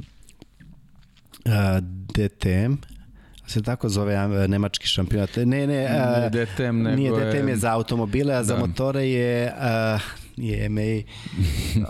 da, misliš nije... na dalje ICE, tako nešto. Ne, ako to mislim... je da, nemački taj neki IDM, sigurno, IDM. I, da, IDM, IDM, bravo, IDM da, da, šampionat. Da, uh, on je 2007. i 8. vozio u tom šampionatu za Hondu. Hteo je da pokuša nešto što je, čini mi se, pošao Fanđi samo pre toga. Fanđu da, da bude šampion i u Formuli 1 i u MotoGP-u. E, uspeo je, sad mi sad ja. John Sartis je Tako je, Sartis je, jeste osvojio. Fangio? Nije, nije. Ne, Fangio nije. Ne. Fangio je osvojio pet titula, ali nije u motociklizmu uspeo. Sartis je jedini koji je spojio titule Aha, i da. u kraljevskoj klasi i u Formuli da. 1. Be, Sir. Da. Jeste. Da, da. Je, Mihajla Oželja je to bila. Majka Hejluda. Mike koji, Helmut da, koji da, je koji je vozio. Vozio, da, da, da, da ali nije da. osvojio nije, titul. Nije, nije, nije da. osvojio titul. Da. E, Vratio, e, dotakao sam se Schumachera zašto je pao bukvalno na svakoj trci. Ne na trci, ali na, na, na kvalifikacijama i to non stop je padao. Čak smo imali jedan kontakt zajedno gde smo pali na trci Oše Slebenu, to je bio svetski šampionat u Endurance-u. Ovaj, e, i, i eto, a na, Čekaj, čekaj, ali to si tako, no, tako si Kao da, usput. došao do toga. Pazi, sad ćemo te uhvatimo za rukav, tako stani. stani, sad Stani. stani, sad stani. To je ta priča Da. i pravimo nekako uvod, ali vidim da si nestrpljiv. Ima Ne, tu samo rečenica, priča. To što si spomenuo ti padovi, uh, uh, ti silni padovi povreda vrata na uh, motociklističkoj trci je uslovila da, da se Schumacher ne vrati u Formulu 1 u Ferrari kad je, kad je imao aha, otišao je u Mercedes 2009. sećam se Znači, toga. pre da. toga nije, nije uspeo... Ovaj, Bilo je pitanje njegovog vrata da, i da. da li on može da izdrži Da, kad sile se kojima Felipe Massa povredio, o, njega je Luka Badoer zamenio zašto Schumacher nije mogao zbog povrede vrata koju je zaradio na mototrci. Mhm. Jeste. Da, ali samo da, da- se vratimo, čekaj, da. čekaj. Ajde sad, da, bo, Ne, ne, vraćamo vidim da, se, Vidim da, da. će- da ćemo brzo doći do ovoga. Koja je to godina bila? Uh, pad sa Schumacherom Da. 2008. 2008. Hajde da e, Znači, ljudi, ove u 3, 4, studiju 5 na godina. Kraju univerzuma sedi čovek koji se sudario sa Schumacherom. Iskren da Čekaj, budem. Vanja, daj ovaj kadar, molim te, pa kad, kad se uhvatio Željko za glavu, znam da želiš da ga poštediš, ali Vanja ti je nežan čovek i on vodi računa o gostima, ma, ja ne. Šalim se, naravno da vodimo računa, ali ovo je fenomenalno. Čekaj, uhvatio si se za glavu. Ko je izazvao kontakt? Čekaj, sad kako je to? Um, ja se Daj toga neki ne sećam malo šta je sve bilo. Da. detalja. Ovako je bilo. Uh, on je vozio za nemački tim na svetskom šampionatu u, u srpskom racing timu tih godina, ta tačnije zvao se Marcos Suzuki Serbia Racing Team. Kule je bio to pokretač svega, organizator, uh, vozili smo ja Kule i zaboravio u tom trenutku ko je bio treći vozač sa nama, nije ni bitno, uglavnom na toj trci Schumacher je vozio, sve su ono, oči bile uprte tamo, to je neverovatno ono paravani oko njegovog boksa i to. Ovaj, uh, trka je počela i ne znam sad tačno u kom satu, pošto sam baš imam prekid tih trenutaka, baš se sećam da sam ga video da izlazi ovaj na stazu, on je bio zamena, vozio je zajedno sa Martin Bauerom, to je poznati nemački vozač, vozio Superbajku i to. I ovaj on je seo na motor i baš sam ga video u jednoj krivini kako se uključuje iz, iz pit lane-a i uključuje se na stazu i razmišljam ja ono, to je desna krivina, razmišljam, zamisli sad padnem i pokosim Šumahera, to bi bilo ono strašno. Ima bukvalno dve krivine posle IDS krivina, dobijam udarac od pozadi i padam i na glavu udaram dole, pukne mi kaciga, udarim u asfalt. Uh, odmah je bio uh, safety car na stazi i nekoliko krugova su vozili polako dok su mene odneli tamo ovaj, u nosilima i to. I došao sam ovaj, u, u boks i ono onako savo šamućen, ne znam ni gde sam, ne znam na kojoj sam stazi, u tim trucima ono malo treba ti par sati da dođeš sebi da sve, ovaj, znaš, da se setiš gde si u stvari i Kule je došao i kaže, znaš da te Schumacher udario? Ja kažem, nemam pojma. Pošto se nisam ni Kule da kažem. Da, da, da. I onda je Kule išao kod njega ovaj, tamo pa ga zvao, dolazio je slikali smo se, imamo, imamo ja mislim sliku sam Da, bila je negde, da, da, aha. među ovim Da, fotografijama. da, da, malo je lošije kvaliteta ovaj, slika, ali, ali eto, to je baš neko divno iskustvo. Ovaj. Tad smo ga i pozvali, Kule naravno i odmah prišao sa njim, ovaj, zvao ga da dođe u Srbiju, da tu malo gostuje, ovo, ono, i on je ostavio kontakt Kuletu od Sabrine, uh, Sabrina Ke- Sabine Kem. Kem, da, Kem, da, da, da, da, da. da ga kontaktira i to, ovaj, međutim ništa se nije desilo od toga, ali zaista divno iskustvo, da, zaista divno je na uspomena, eto tako nešto. Ovaj. Bilo je lepo Poznavajući biti na Kuleta, stazi. verujem da bi se čekaj, čekaj, dogodilo. e, koje ste iskustvo imali? Pa ništa, čovek me udario od pozadi, slomio mi kacigu, bio sam ošamućen i u nesvesti. I došao posle se slika došao sa u mnom. garažu, a ja, ne, ja sam ga zvao ako može da se slika sa mnom, pošto ipak kad je već to uradio i da. to je moje divno iskustvo. sa- ali sjajno. Ali pazi, redko kad možeš da kažeš, ok, vozio sam sa sedmostrukim svetskim šampionom Formule 1 i Jeste, jeste, divno, divno iskustvo, da, da. Da, to je fascinantno, fascinantno je. Čekaj, mi sad pričamo o onome što se krenuo si iz Aranđelovca, 14 godina i su silni neki problemi, je situacije. Evo je fotografija. Ja, prilično je loše, da, prilično. Nema veze, jasno je. Aha, aha. To je posle trke, tako da. Da, I šta se desilo? Pa ništa, udario me čovjek. da, ali jeste fascinantno kada pomisliš. Da, vidiš kako je fascinantno, sad, sad nekako sam povezao, znaš, kao Schumacher koji je višestruki šampion u Formuli 1, potpuni zaljubljenik da. u motocikli, vidimo recimo da je s Lewisom Hamiltonom isti slučaj. Vučić, čovek jednostavno obožava O, da. motocikle. Da, da, da, on baš Ovaj, voli i dobar je prijatelj Da. sa Rosijem, ono non stop su u kontaktu i to ovaj Tako, opet se vratili smo na Rosije. Da, pogleda me Da, srđana. da, okej. Ne, e, ima, imamo dve, tri teme. Rossi, Marquez i Schumacher. Otprilike, evo Schumacher i tu. Niki. Da, Da, a da. Niki Hayden nam Da. je posvećen Niki Haydenu specijal. Da, da pokušamo da se vratimo mi na, tu, na, na, na taj deo priče i priču o tebi. To je sve sa brojem 69, ali 2003. 2004. Ja hoću to sa godinama nekako da povežem. Niki kada je stigao u šampionat sveta 2003. je bio peti na kraju. Bio je i Novajlija godine. Imao je dva plasmana na trećem mestu. Ljudi, to je u toj eri Ozbiljan uspeh. uspeh, Tako ozbiljan uspeh, Malo pre ozbiljan. se priča o tome koliko je neophodno vremena da kao Novajlija naučiš stazu. Ti si stigao među ajkule. Ti si stigao među najbolji od najboljih. Tu nema milosti, tu nema praštanja, nema besplatnih poena i jedan klinac, ima tu par lepih slika iz vremena kada je na Hondi nasmejano, sedi na, na motoru i, i, i gledaš rok zvezdu. Pr- To, Vanja, hvala, to je taj moment. Pogledajte ga. Jedan nasmejani klinac ima kez od uva do uva, frizuru koja odgovara godinama, naučare za sunce i gde si? Pa u HRC Repsol Hondi. Ko ti klubski kolega Valentino Da, Rossi? ono, kao dešava se, budu konferencije štampu, mene niko ništa ne pita, ali nema Da, veze, da, sedim da, pored da, njega, da, kao da, sve je okej. To je rekao, Sve kaže, okej, prosto da. niko mi nije ni primećivao. Da. Ja sedim tu i šta radiš? Pa ništa. Sedim, pošto mi je to obaveza, praktično da se pojavim s Valentinom Rosijem i, i sve je okej. Da, ali sve je prolazilo sa tim osmehom, uh, utisak svih je da je bio, osmeh, da, kako bio bi je, kaže, jako ljubazan Da, i svima jeste. izlazi u susret i, i, i, i od početka je ostavio ovaj takav utisak koji ga je pratio kroz čitavu Moto Grand Prix karijeru. Da je jednostavno neko ko je ono predusretljiv maksimalno i uvek spreman za, i za razgovor i za, za sve što je potrebno. A Niki je veliki profesionalac uvek bio i kada smo imali intervju s njim, kažem, imali smo jedan u kojem je negde žurio, ali čekala ga je lepša polovina koliko znam.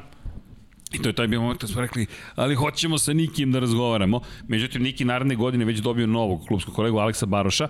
Od Baroša se mnogo očekivalo. E, Brazilac je bio čovek koji je uspeo kada je dobio V5 motocikl u ruke 2002. godine da pokaže da bi mogao možda i da parira velikom Valentinu Rosiju, da je neko ko sa tim motorom može da se bori za pobede i kad pogledaš Baroša kažeš ok, kad da- danas pomalo zaboravljen, ali takođe legenda, to je Da, to. dugo je trajao i Jeste. bio je prilično uspešan. Jeste, i to je čovek koji... Pritom dolazi iz zemlje koja, eto, nije neku tradiciju motociklističku imala, ali on se baš tu ovako prilično dobro pokazao. Da, ali kada je prešao sa 500, ne zaboravimo, 2002. godine je bila godina u kojoj imamo na stazi u isto vreme motor od 500 kubika. Dvotakne i četvorotakne, Tako da. i četvorotakne. I ti vidiš razliku, ti sada vidiš razliku i vidiš moć nove tehnologije.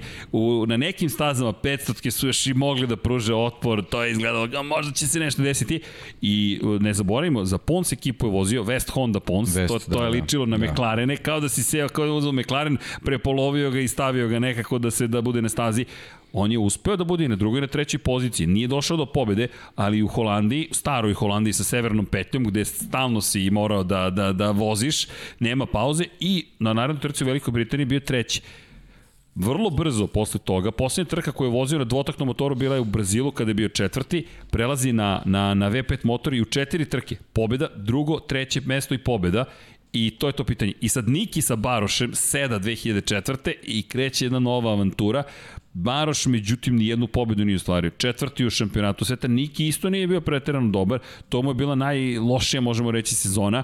Osma pozicija. Iako je imao dva plasmana na pobedničko postolje, u Riju i u Nemačkoj, dosta odustajanja, dosta problema, grešaka, padova, ta druga godina baš je bila teška i onda dolazi 2005. gde je napravio taj veliki iskorak, gde je konačno i zabeležio prvu pobedu u karijeri, To nekako je bilo suđeno da Niki pobedi, bez obzira što su se, to je povratak Lagune Seke 2005. u šampionat sveta. I Amerikanac u Americi i Valentino Rossi sa Colinom Edwardsom, dakle, jedan jeste italijan, ali je on zapravo globalni fenomen, sa Amerikancem na žuto-crnim Yamahama iz ere Kenija Robertsa. Oni koji ne znaju, danas Yamaha se uglavnom asocira sa plavom bojem.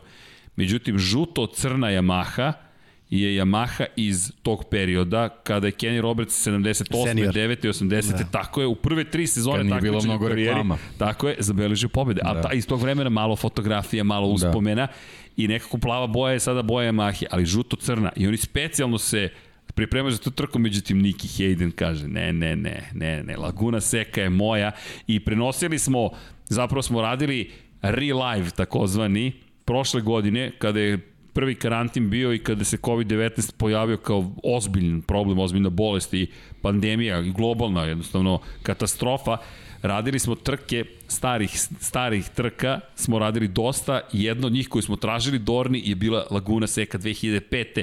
baš zbog Nike Haydena jer smo rekli, hajde da vidimo Kentucky Kid kako uspeva da pokori Moto Grand Prix i to je jedna od lepših uspomena iz naše perspektive s obzirom na činjenicu da je uspeo. Mada je rekao pred kraj, vidio sam da je Rossi preuzeo drugu poziciju, bio sam ja, ne, evo ga, stiže, dolazi, dolazi. A, Vanja, hvala, ovo je iz specijala izvukao. Pogledaj ove boje. Pa ovo izgleda zastrašujuće samo po sebi, da kažeš i pogledaš. Jubilarne, jubilarne, tako da, su da. ih zvali, da. I onda dođeš i kažeš, voziš trku na Laguna Seki i izađe ti tabla Rossi, plus koliko god daje pozicije 2 i kažeš sebi, ne, Ne, i to je rekao, ali bio je, imao je dovoljno veliku prednost i niko nije bio nezadovoljan. Rossi je bio zadovoljan, 20 poena, plasman pobjedičko postolje, eventualno Yamaha koja je vlasnica zapravo staze, Edwards je treći bio koliko se sećam i Niki na prvom mestu, skezo duva duva. Nekako kao da je ta Laguna Seca bila i najava onoga što dolazi. Posle toga uspeo je da zabeleži dosta dobrih rezultata, imao još četiri plasmana na pobjedičko postoje, treći je bio u šampionatu. Treći je bio šampionat pa, te godine. Pa to je period kad su počeli ozbiljno da ga shvataju. To da. je možda bio taj prelomni trenutak i za njegovu karijeru to što si rekao postom kasnije što je do, došao Pedrosa već ovaj sve su nekako u, u Hondi okrenuli ka njemu, ali jednostavno yes. nisu mogli baš toliko da skrajnu Nikija baš zbog tih rezultata iz 2005. Iz, izumimo Rosije koji je imao skoro 400 poena, 367 te godine, Hayden je bio 15 poena iza Marka Melandrija. Iza Marka Melandrija koji je na Hondi bio te godine. Najbolje plasiran na Honda je Melandri i onda dolazi Niki Hayden. Niki je odradio svoje, bio bolje od na Hondi. Čovjek je odvezao fantastično. I dolazi ta čuvena 2006. Ali čekaj, da napravimo paralelu. 2005. 6. ti si osmi sa Schumacherom na stazi. Šta je bilo 5. 6. Šta se tu događa? Sve je nekako vezano za ovde, za šampionat. Te neke trke koje smo vozili za Endurance svetski šampionat su počele 2008 baš te godine o kojoj smo pričali i trajale su do 2011. Neslavno su se završile za mene, ali ajde da pričamo o 2005. 5. i 6. Da. Doći ćemo, doći ćemo, da, taman. Da, ovaj, uh, ne znam, 2005. sam bio šampion tu Srbije u 1000 kubika, međutim ta titula... To je prva titula, izvini sa... U 1000 kubika, da. jeste. Ali nije priznata od Motosaveza, bile su neka previranja... Možeš da mi objasniš, kažeš nisu priznata. Mnogo... Ne, ne moramo da ulazimo previše u detalje, ali... Jednostavno, u principu, jednostavno je Jednostavno, da, da. dve struje su bile u Motosavezu, napravila se Motofederacija, moj klub je bio u Motofederaciji, nije izvađena licenca iz nekog principa od Motosaveza i mene Moto Savez pusta da vozim cele sezone na, na trkama, zadnja trka pobeda, šampion. I ovaj i onda dođu da kažem, vlasnici u koji su to trenutku bili vodeći, vodeći ljudi Moto Saveza i kažu, znate šta, vi ste vozili sa licencom Motor Federacije, niste šampion, mi vas ne priznajemo i... To što smo vas pustili, što ste da. rizikovali, što ste vozili, da, i onda su se, da, nema veze. Nema veze i onda se cijela moja, moja ekipa i mnošto drugih ljudi priključilo, čak i vozači, počeo od Milovanovića i ostalih, niko nije sebe podigao za jednu poziciju, onaj ko je bio drugi nije rekao ja sam šampion, vozači su me podržali, nego to je bila interna stvar između, da kažem, Moto Federacije i Moto Saveza, da. Srbija, stalo previranje, podele, da, naravno, i ovaj i zvanično ta titula nije priznata, ali ja je brojim, zato što je pošteno osvojena na trkama na kojima sam nastupio svim te godine, kao i svi ostali vozači. Ali zahvaljujući tome nemaš zlatnu kacigu. Nemam, zbog toga nemam zlatnu kacigu, ovaj, ne marim za tim, uh, svakako Lepo bi bilo, Lepo ali... bi bilo, ali samo za onoga ko vidi moje pehare, je tako? Mislim, da. ja je u svojoj glavi imam. Ti znaš šta si uradio da, na stazi. Da, da, da. To je, to je ovaj, 2006. je isto tako, ovaj, uh, titulu nisam uzeo te godine ne mogu da se setim šta je, mislim da sam imao neki problem na stazi, Petrović je Nenad bio tad, te godine šampion, te godine je Petrović baš bio i Milovanović i Petrović bili izuzetno, izuzetno jaki. Ovaj, 2007. sam seo na Kawasaki, e, na Kawasaki s kojim baš nisam imao puno sreće. E, Kawasaki tih godina generalno nije ni Da, delovo na početku kao dobra priča. Da kao može dobra da priča, da. nenormalan. Da. E, moram da se da tu spomenem jednu stvar. Kad sam 2006. do duše šampionat sveta smo prve trku vozili u Asenu. Ima ta slika, doneo sam baš iz jedne krivine da se iza vid, piše Asen TT. Ako može Vanja da nađe, nisam puno slika doneo, tako da ne, verujem da neće biti teško da nađe. Ovaj, tu sam upoznao Mileta Pajića. Moram da napomenem da je Mile Pajić jedini Srbin koji je ikada vozio MotoGP. E, vozio je ga je 86. ili 87. godine. Evo je. To je to. Da, iz Asena 2006. U pitanju je Suzuki. I ovaj, e, Mile Pajić je jedne godine vo, e, jedne cele godine vozio MotoGP i na jednoj trci je pobedio čuvenog Kevin Švanca tad je bila 87. 8. ne mogu da verujem i ovaj tad su sve novine čak u Holand, čak u Engleskoj neki prestižni list u to vreme, zaboravi kako se zove, neki bajkerski lig dao naslov Who the fuck is Mile Peđik? to se toliko pričalo o tome i Mile je zaista faca, on je sad mator, ima pa i više od 60 godina, ali ovaj čovek koji je baš baš bio posvećen motociklizmu, od toga je živeo, ima veliku garažu i dan danas tunira motocikle od tog poznanstva 2006. on je inače bio uh, vozač Kawasaki mu je bio sponsor godinama i o, baš imao ovaj, lepe kontakte u Kawasakiju. Motocikl 2007. mi je poklonio naš uvoznik Kawasaki u to vreme Petošević i odvezao sam ga kod Mileta Pajića da ga spremi. On ga je stvarno uradio ovaj, vrhunski, on je bio najbrži motor na stazi, ali jednostavno njegova geometrija nije tako loše bila na, na, na pravim stazama za kojih je Mile spremao, ali kod nas, malo pre da se vratim opet na priču, sve ćoškovi i ivičnjaci, ovaj, jednostavno nije bio povo, povoziv toliko i nisam ništa mogao da uradim. E, treći sam te godine bio u šampionatu Srbije sa Kawasaki. Da, Mile koji vozio pod holandskom zastavom, je li tako? Da, zato što je to on je od uvek gore živeo, ali je tu iz Like, Srbin iz Like, ali na kacigi mu je bila srpska zastava, recimo.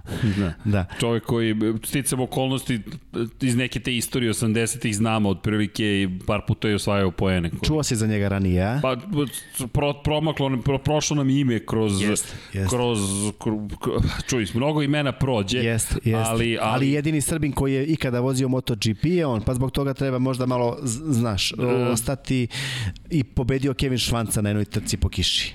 To je da, dva puta osmi. To, to, da, to je, nisam da, znao. Dva puta da, osmi da, ne, znam da je, to da su mu najbolji plasmani. Ali nisam znao da je, hvala da, da, deki. Da, da, da. Da, da ali, ali zanimljiva priča, vidi, beleže se priča, da. još jedna osoba da. Eto, još jedna osoba, da, lako ćemo da čekaj, kontaktiramo. Čekaj da. da ispriča da vidimo šta si to vozio, kako si to vozio Grand Prix trke, ali to... to Mile ne dolazi u Srbiju, bio je ovde jedan gost kod zoom, mene zoom kući. Nema veze, ćemo mi kod njega, nije da. Mile je pun priči. Mile je, inače, najbolji prijatelj mu je Vilko Zilenberg. Uh, A, kada sam bio kod Mirka na pripremi motora te godine 2007. Viš kako on to usput samo spomene, znaš. Bili smo kod Vilka. E, bio je drugar e, sa šefom Petronas. da, i ja sam kod njega pripremao motocikl. motocikl. vozi, da. izvini, podsjeti me, ko vozi ove godine za Petronas?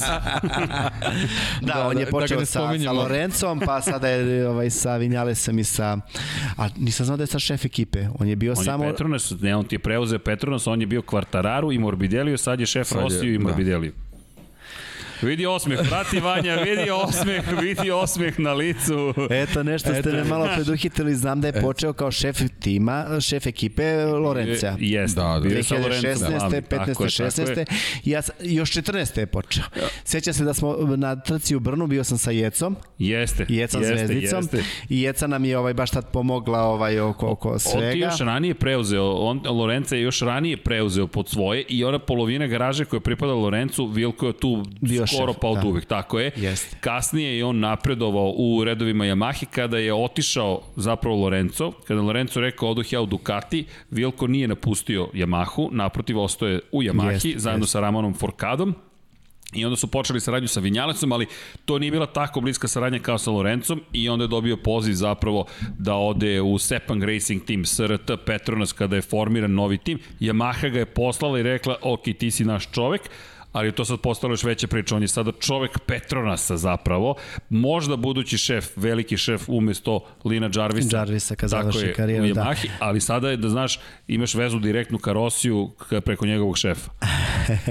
Vilka sam upoznao ovaj 2007. godine, Vili kako ga zovu, oni gore, ovaj inače on je baš zaslužuje to mesto, još tada njegova garaža i uh, on je imao školu za motocikle, uh, školu za školu za obuku trkača, vodio je cele ekipe ljudi uh, u Španiju tokom zime, ovaj, on organizuje kamione da smeste motocikle, Yamahe su baš tad najviše vozili, smesti Yamahe i ko hoće prijavi se, nije jeftino, ali ide i obučava sa Vilkom na stazi, on direktno ispred njega, a Mile Pajić kao dobar drug od Vilka je tu ovaj uh, zajedno sa njim obučavao te momke, jer je to je bilo baš puno grupa.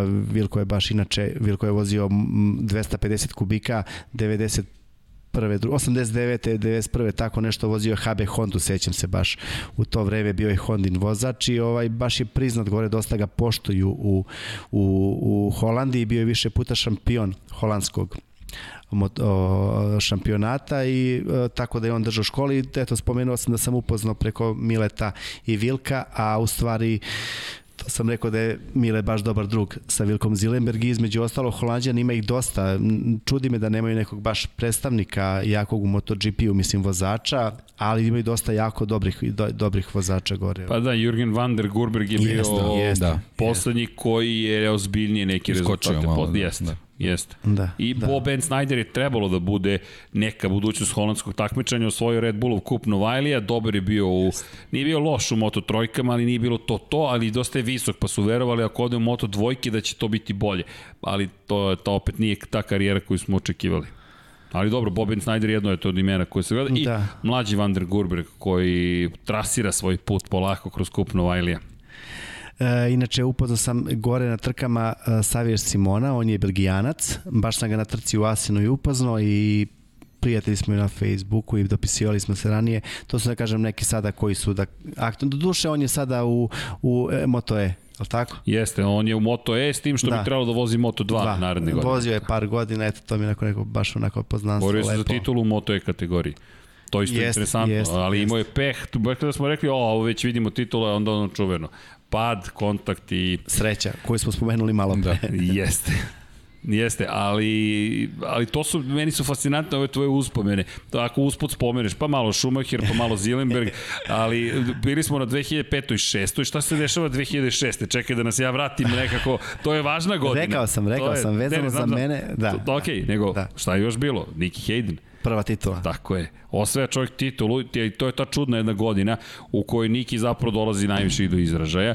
Godina u kojoj, da, Rossi imao puno pehova, ali kada pogledaš tu godinu, nije to samo pitanje pehova Rosija, osetio je nekako pravi trenutak Niki Hayden. Niki koji je na početku sezone bio izuzetno brz i konstantan. Treće mesto u Španiji, drugo mesto u Kataru, treće mesto u Turskoj, drugo mesto u Kini. Prve četiri trke, on je stalno na pobedničkom postolju. Dolazi Francuska, prvi kiks uslovno rečeno, peta pozicija, pa treće mesto u Muđelu, pa u Kataloniji drugi.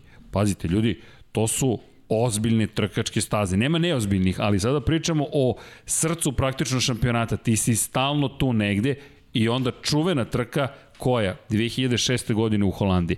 To je čuvena trka i opet vraćamo se na Amerikance. Duel između Colina Edwardsa i Nikija Haydena za pobedu. Inače, Rossi u tom momentu krenuo da se vraća u igru. Krenuo je Rossi da se vraća u igru u tom trenutku, dolazi u Holandiju i na jednom od treninga se ozbiljno povređuje. To nije toliko bilo ozbiljno kada pogledamo neke druge povrede, ali problem koji je uticao na njegovu trku i kada pogledaš Rossi u tom momentu na krilima dve pobede, Rossi koji je u tom istom periodu kada Hayden re, ređa prosto plasmane pobjedničkog postolja, tri pobede ukupno ima. Ako završi trku, to je skoro pa na vrhu, jedino u Turskoj bio četvrti, ali u Kini je odustajanje, u Francuskoj odustajanje, onda dolazi Holandija, osma pozicija, jedva je stigao do cilja, Hayden koji to koristi i to savršeno koristi u tom duelu sa Edwardsom, to je čuveni moment kada se Niki Hayden, baš je bio heroj, baš je rekao, ma ja idem na pobedu i dao sve od sebe u poslednjoj šikani, uleći Edwardsu, Edwards koji ima zapravo prolaz, ali toliko agresivan u, u, u zamišljenom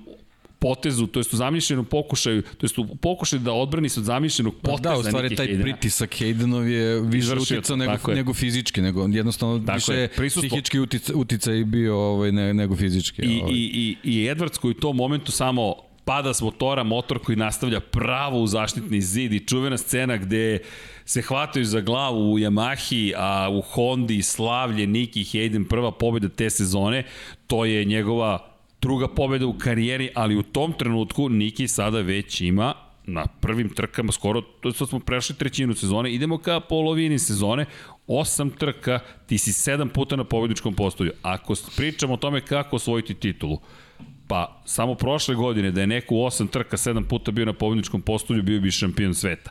Niki je tako išao do titule i ta Holandija je jedna od važnih, važnih tačaka.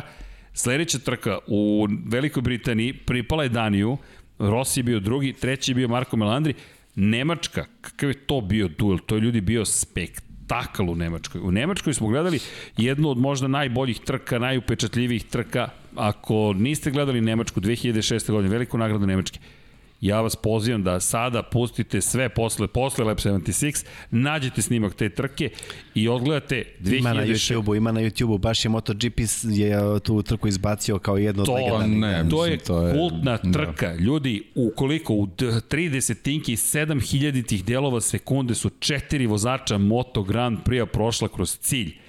Tri Honda i samo jedna Yamaha.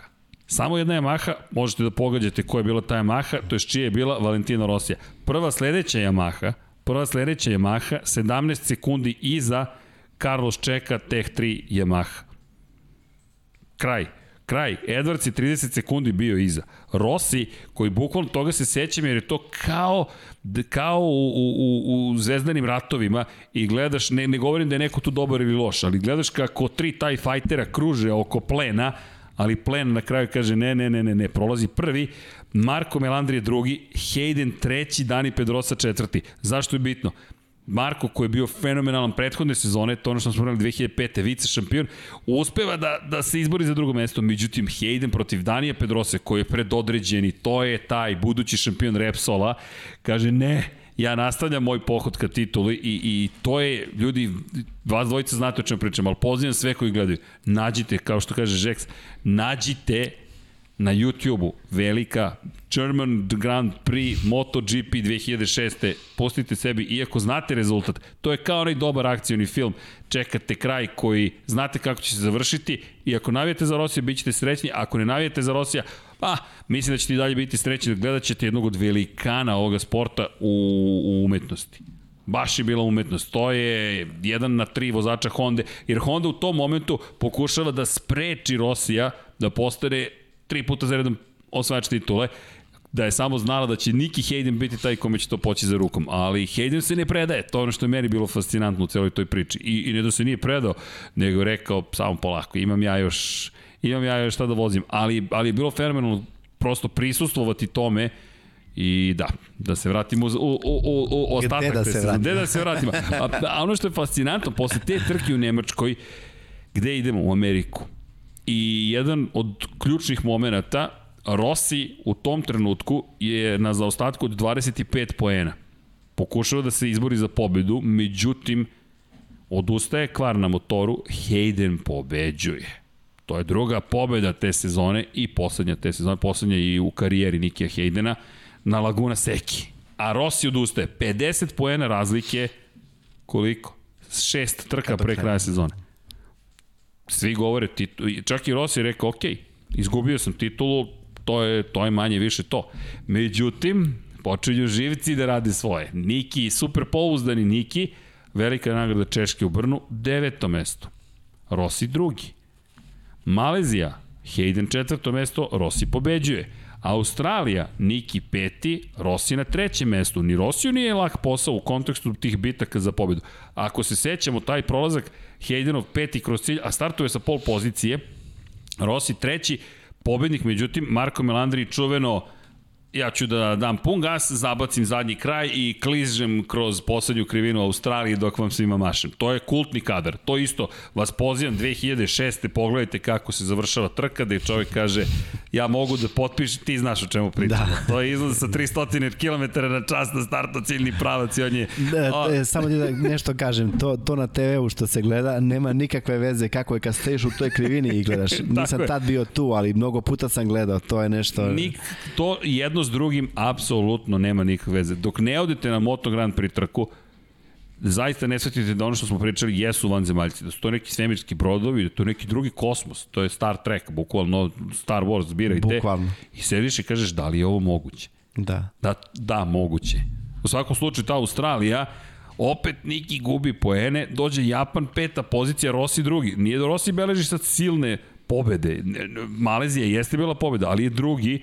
Ali psihološki rat psihološki se nastavlja. se nastavlja. I onda to je ono što majstorski znao da radi. I dolazi Portugalija i Pedrosa koji izbacuje Nikija Hejdena koji suzama za glavu se hvata, gubi prednost. Pazi, on je u roku od pet trka izgubio 50 pojena prednosti. U Češkoj 20 pojena za Rosija, 7 pojena za Hejdena. To je ozbiljan udarac bio za njega. 13 pojena izgubio samo u Češkoj. Zatim pobeda u Maleziji za Rosija, četvrto mesto za Hejdena, to je 12 pojena izgubljenih. Čekaj, ti si 25 pojena izgubio u dve trke, kako, kako je to moguće? Pa 16 nasuprot 11, pa si sad izgubio još 5 pojena, sad si već na 20 pojena.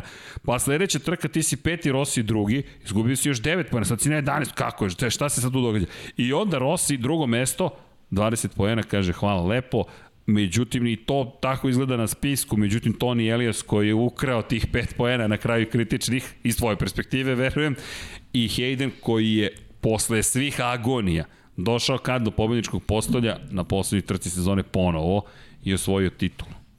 Niki, Niki, dalje je zaslužena, evo da ti Jeste zaslužena. Svaka titula Svaka. u MotoGP-u je zaslužena, to nema govora. Ali uvek ima malo sreće, al tako? Ima. Ili nesreće drugoga. Tako je. Znači uvek, ali svakako da, je zaslužena. Da, bukvalno Mada ni jednu pobedu da, nema da, da, zaslužena. Da. Jest da nema pobedu, ali on je konstantan, znači da je svako bio drugi, treći, al tako? I... Da, da. U tom finišu je uradio ono što je bilo do njega. Ovaj, to isto zanimljiva stvar vezana za, za posljednju trku sezone. On se čekirao to jutro, od, to jest check out i uradio iz hotela. Ovaj, znači on je bukvalno planirao posle trke da putuje za Ameriku. I tu sledeću noć je prespavao kod Burazara u sobi na podu.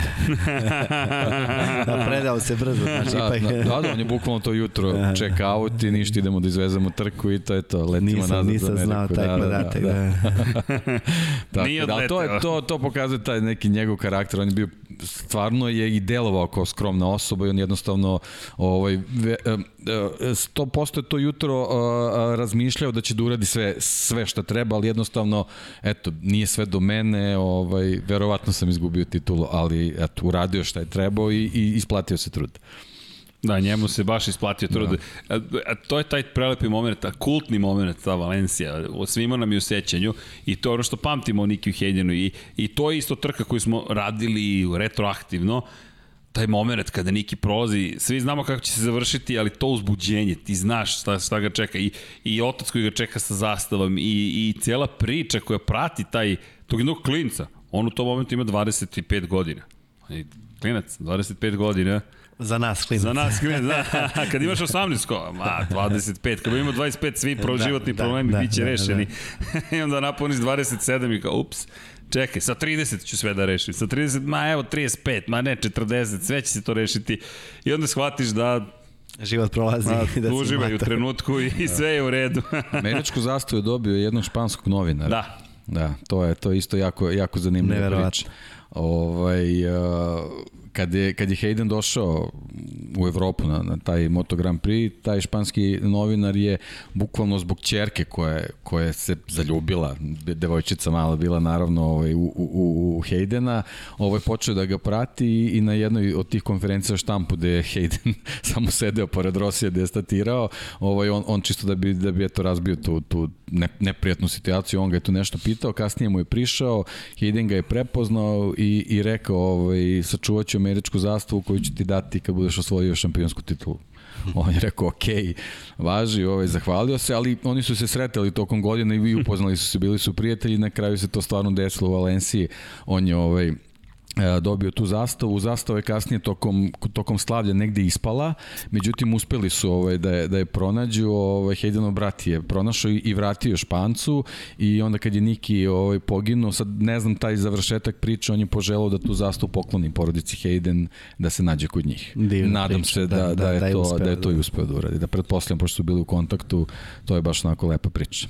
Da, ni, Niki je ostavio dubog Da, trak. Zaista da, je ostavio da, dubog trak. jest, Kada pomisliš, titula je dovoljna. Ali nešto je tu postojalo kod tog nasmenog Pa čoveka. da, jednostavno to, ta njegova, ta, ta privlačnost, taj osmeh, ta, ta, ta, ti ovaj, iz njegovog izraza lica se vidio koliko je srećan i zadovoljan što se trka, da, da je to u stvari to što želi da radi, to je jedino što želi da radi, tako da ovaj, i kasniji prelazak u Superbike jednostavno o, to je bilo zbog toga da se takmiči i da postane eto čovjek koji će jedini čovjek koji će ujediniti Moto Grand Prix Superbike titulu. To je pretpostavljam da je, da je to u stvari bila želja i bio motiv zašto je nastavio ovaj Superbike kasnije. Da, i jednu pobedu u toj, nažalost, kratkoj karijeri u Superbike u Maleziji slavio triumf. To isto bio veliki trk, sećam se da smo prenosili, ne sećam se tačno koju trku i da smo gledali šta će Niki da uradi.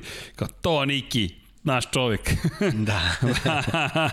Ali da, to je, to je bilo baš prelepa godina, međutim to je i kraj ere, tada se završava era 990 kubika, ulazimo u eru 800 kubika, ulazimo u manje MotoGP motocikle, vratili smo se na 1000 2012. godine, ali to je pro promene gde su se više oslonili u Hondi na, na Danija Pedrosu i ta 2007. za Nikija krajnje, da kažemo, problematična godina. Od početka do kraja prosto to nije bilo ono što smo, što nismo, očekivali smo i od Honda da drugačije pristupe. Međutim, Honda je vrlo poslovno rekla ne, Dani Pedrosa to je, to je taj čovek koji nas vodi, a ni Niki sam nije našao formu do negde sredine sezone kada imao nekoliko poslana pobjedičko postavljali, pored toga ništa ozbiljnije nije postigao, dok se Dani u jednom momentu čak i borio za titulu šampiona sveta, ali Casey Stoner je 2007. obeležio sezonu, jednostavno je došao. definitivno, definitivno, definitivno. Ducati i pokazao kako može, mo, može da se vozi. Evo ga, taj Ducati koji smo i prezentovali na početku, za one koji su nam se tek pridružili, Ducati predstavio Pa, nadaju se šampionski motocikl. Novi šatl.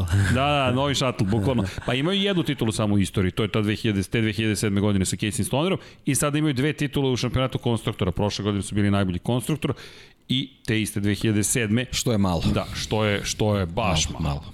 Mo, moraš, mora, mora, pogotovo z, Za taj novac koji je uložen. Da, i za trag koji su ostavili. Ostavljaju oni trag iza sebe, ali nekako sve imaš utisak da su više osvojili. I onda shvatiš, pa baš i nisu. Znači da smo i Ducati komentarisali kada smo se upoznali.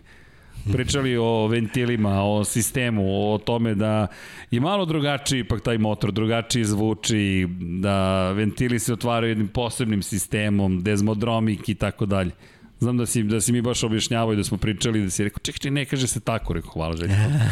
Ja, ja to pamtim. Ali da, to je baš bilo zabavno. Ali, ali, 2007. Šta si ti radio 2007.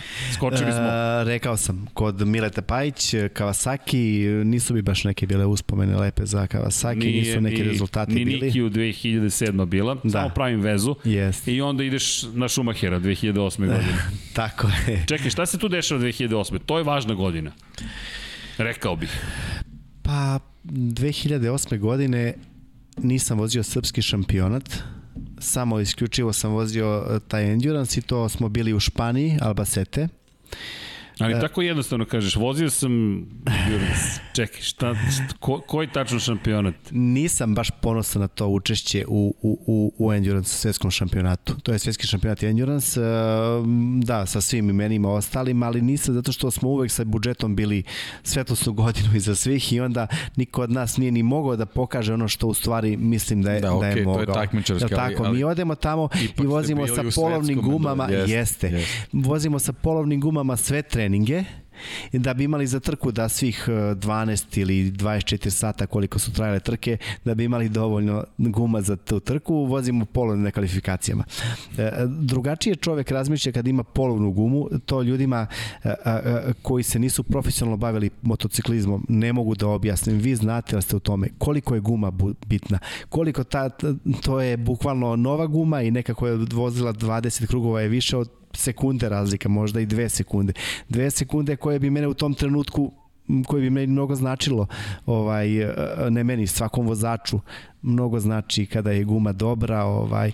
Tako da je sve to bilo nekako onako skrpi s konca, s ovoga, onoga, eto samo da odeš da voziš, da se pojaviš i nikad ne uradiš ono što misliš da bi u stvari mogao da uradiš. I zbog toga mi to nešto nije u nekom osjećaju kao ono, znaš, e sad 100% imao sam sve dobro, sve imao sam, da, doći ćemo do 2012 11. oprosti. Do 2011. tu sam imao lepo iskustvo koje se, malo pre opet vraćam se na sreću, završilo nesrećno po mene. Hoćeš da ga odmah pričam ili da idemo polako?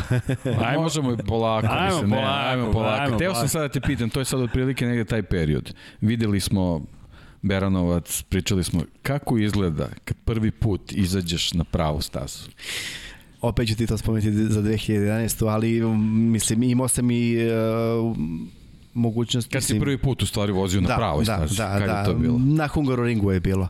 2000... Znači sve te godine od 92. do 2000, a izvini, 98. je bilo prvi put. Sa Kuletom Perišićem u Francuskoj, prvi put tamo sam išao na, da, da kažem da se spremam za sezonu i ovaj drugi univerzum. da se vratimo na univerzum opet, a kamoli na te vozače i na to sve ostalo. Stvarno, ovaj, pomisliš u ovaj lud dolazi sa ovaj sa, sa, sa tih e, ivičnjaka bandera kao u ovaj će bude dobar a u principu ti si jedan običan ludak možda nekako u tim njihovim očima ovaj da ne možeš da se snađeš na stazi. Sad svo moje učenje tih par godina iz početka bilo je na ulici na pešačkim prelazima na bankinama i dolaziš na stazu gde trebaš da ne razmišljaš više o tome da će da daš gas preko pune linije nego trebaš da ga daš samo onda. Pa se onda prilagođavaš na jednu drugu sredinu i onda non stop si nekako ovaj da se razumemo ni vozači koji su pobeđivali i koji najviše pobeda imaju stao mi je mozak kako se zove čovjek sa Man baš sa ostrava Man koji najviše po, pobeda tamo ima. Ovaj on je vozio sa nama u Endurance šampionatu i upoznao sam imam i sliku sa njim nisam je ponovo nije bitno. Stade mi mozak kako se zove. Pobedio je osam puta na ostr, na ostrvu Man osam godina ne za redom. Ovaj uh, on ništa nije uradio specijalno na ovim trkama, e, na, na Endurance-u. Bio je možda da kažeš oko desetog mesta vozio za Hondin tim, seća se, njegovo vreme ništa nije bilo specijalno, ali on je bio, da kažeš, najbolji u tom nekom svom okruženju u, na svojim stazama ovo što pričam ivičnjaci, bandere i ostalo. Tako da i nama je prilično teško bilo kad odemo na stazi da odmah prelomimo i vozimo brzo. Opet je to neko sad navikavanje na drugačiji asfalt na potpuno drugačiji asfalt na potpuno drugačije nagibe. Mislim naše staze nemaju nagibe to ne postoji. Na pravim stazama svaka je u nagibe ali tako? Svaka ima izgled sve je drugačije. I onda je to non stop neko lutanje od naših staza, nisi fokusiran na jednu, e, e, e, daleko sam bio uspešniji na našim nego na tim, da kažem, pravim stazama kada god sam odlazio. 2008. Da, spomenuo sam Albacete i, i vozili smo u Oše Slebenu u Nemačkoj. To je tamo baš čuvena trka u, u Nemačkoj. Ali, izvini, steo sam samo da uskočim na sekund tebi to deluje kao lista, vozio sam. Ono što Deki malo pre kaže, da ti iz trkačke perspektive verujem da si ne takmičarski, kažeš više smo mogli, više smo hteli. Ali hajmo i, i, i, i, i jedan moment doze, da kažem stvarnosti ti si ipak u svetskom prvenstvu. Iz ove sredine uspevate da odete tamo. To je, Mislim, to je kvantni skok. Mi pričamo o tome da si ti sada sa nečega što nije de facto staza došao u svetsko prvenstvo. Da, možda okolnosti nisu najbolje, sigurno nisu najbolje, ali ste vi dalje na stazi, vi dajete sve od sebe, vi radite vaš posao. Znaš, mo, verujem da si ti, da bi, da bi rekao, uh, dajte mi to, to, to i to, mo, znam šta mogu. Ali iz naše perspektive, to je, to je inspiracija to je motivacija. Ja znam koliko su ljudi iz tog sveta bili ponosni što ste vi prisutni. Znaš, ono da, malo vesti što se događa. Da, tim, ovaj, stvarno je to bilo ono, da kažem, uh, da se vratimo na 2009. opet da preskočimo sad do 8. 9. smo vozili prvi put 24 sata Lemana. Ovaj, uh, Vidi, vozili ste 24 tri, časa Le, da, Lemana. Tri, tri godine. To je preozbiljna, 9, 10, a to je preozbiljna trka. To, to doći uopšte je uspeh. Započeti je sledeći uspeh Evo i nekih momenta iz, iz karijere 2009. E, da, to je deveta, to je na stazi Manjikur, baš On ovaj, da, to smo, u sredini je i ta francuski vozač, Peter Poleso, koji nam je ovaj dosta tu pomagao oko pripreme motora i svega, dovozio je svoj kamion da nam bude hospitality i celu svoju ekipu mehaničara i mi smo naše vodili odavde i zaista su to neke divne uspomene. E, to su trke, e, Le Mans, trka Le Mans startuje pred više gledalaca nego MotoGP u Francuskoj. Tu dođe preko 100.000 ljudi na svakoj, trk, na svakoj trci. E, taj osjećaj ti u četvrtak čuješ prvi e, ima se staza u sredini, oko staze po kilometar dva u krug. Svuda oko staze su šatori, motori, žurke, ulice napravljene od šatora, bukvalno kao kvartovi gradski, od šatora, od kampera, od kamp prikolica i tu počinje ljudi se napiju u četvrtak i do nedelje se ne tresne. Benzinske pumpe na autoputu od Pariza do Le Mana ne toče goriva za automobile, samo za motore. Od tih preko 100.000 ljudi, barem 50.000 motociklista dođe na motorima to je nenormalno, to je opšte ludilo. Moji drugari koji su išli sa mnom i to koji su to sve snimali, to je nešto neverovatno. U četvrtak čuješ, e, običaj im je da uzimaju, svi dovezu neke stare motore od auta, od svega, skinu auspuhe i sipaju živo gorivo unutra i to puca. To počneš da čuješ u četvrtka i do nedelje to se negaci po celu noć.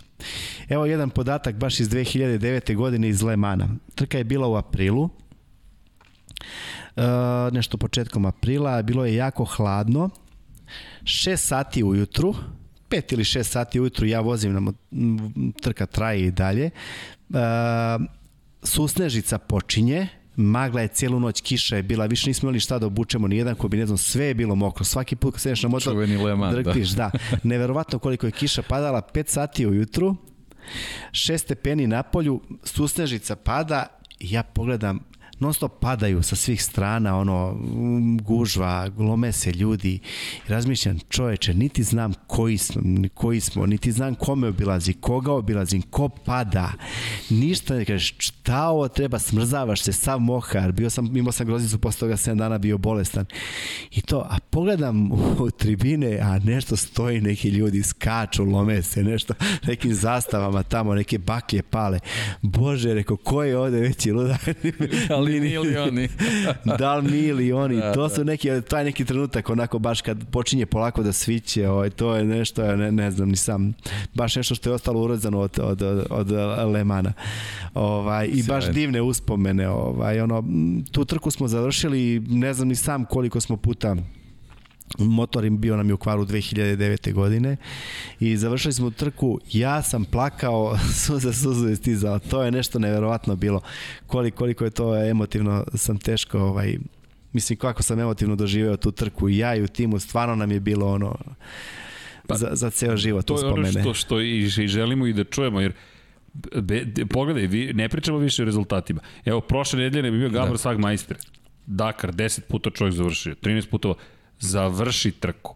I svi za Le Mans kažu, automobilski, motociklistički, sve jedno je. 24 časa Le Mans završiš. Završio pobedio si tu si, da, trku, da, ti si pobedio. Da, ovu pe, mi smo dobili pehar, ne znam koji smo bili u našoj klasi, tipa možda je 10 timova završilo, mi smo možda bili 7. i 8. Startovalo je u generalno 64 motora je propustna staz, e, moć staze, da. a bilo je otprilike oko 75 krugova, 75 timova, već su neki otpali na trenizima i tipa u našoj klasi Superstock, pošto imamo dve klase u okviru tog šampionata, vozimo svi zajedno, Superbike i Superstock.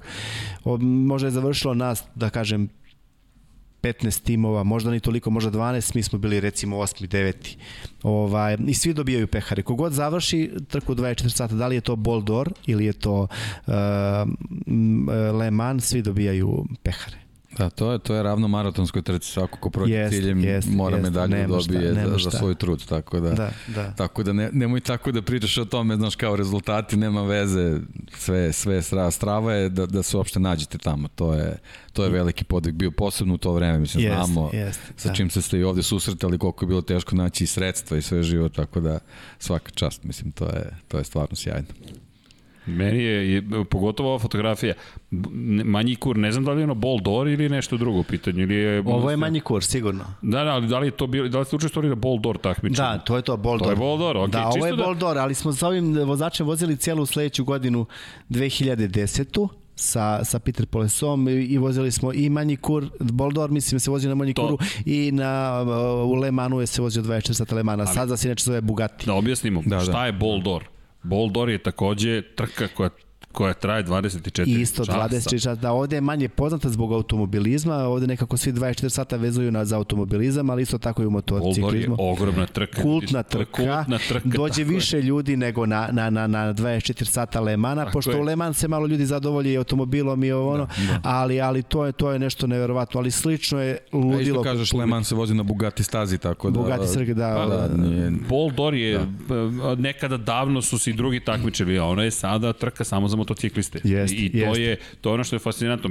Promenila je, nije više na manji kuru, sad je na Paul Ricardo, ali bez obzira manji kur za nas malo starije je uspomena na Formulu 1. Jest, Ti se jest. setiš e, vremena. Tu smo malo da. smo pričali koliko razvijate najveću brzinu. Mislim da da da na manji kuru smo išli preko 300 na sat mi. Ovi pravi, ja ne znam koliko bi MotoGP da vozi manji kur, ne znam koju bi brzinu razvio na kraju onog pravca. Ono je nešto neverovatno, nikad kraju, nikad kraja pravca, čoveče. Kako ti se, a kako ti se dopada staza iz te perspektive? Jesi se možda spremao na neki način, gledao snimke, igrao igrice eventualno? Ne, ne igram igrice nikada u životu, nisam igrao igrice, stvarno okay. nikada nisam igrao igrice. Ovaj, uh, imali smo mi testiranje 15, i pre Boldora i pre 24 sata Lemana se ide na uh, pripreme koje su dve nedelje pre toga i tad mi treniramo ovaj, na stazi naravno i to je bilo skromno u našem slučaju. Ovaj, tamo prednost imaju francuski vozači koji su inače u francuskom Superbike šampionatu zbog toga što voze na te staze non stop su tamo, mnogo se trka pravi na tim stazama i onda samim tim su oni jako uvozani i onda e, Suzuki Endurance Team CERT ili Yamaha o, oni ovaj uzimaju francuske vozače zato što najbolje poznaju te staze ovaj ali to je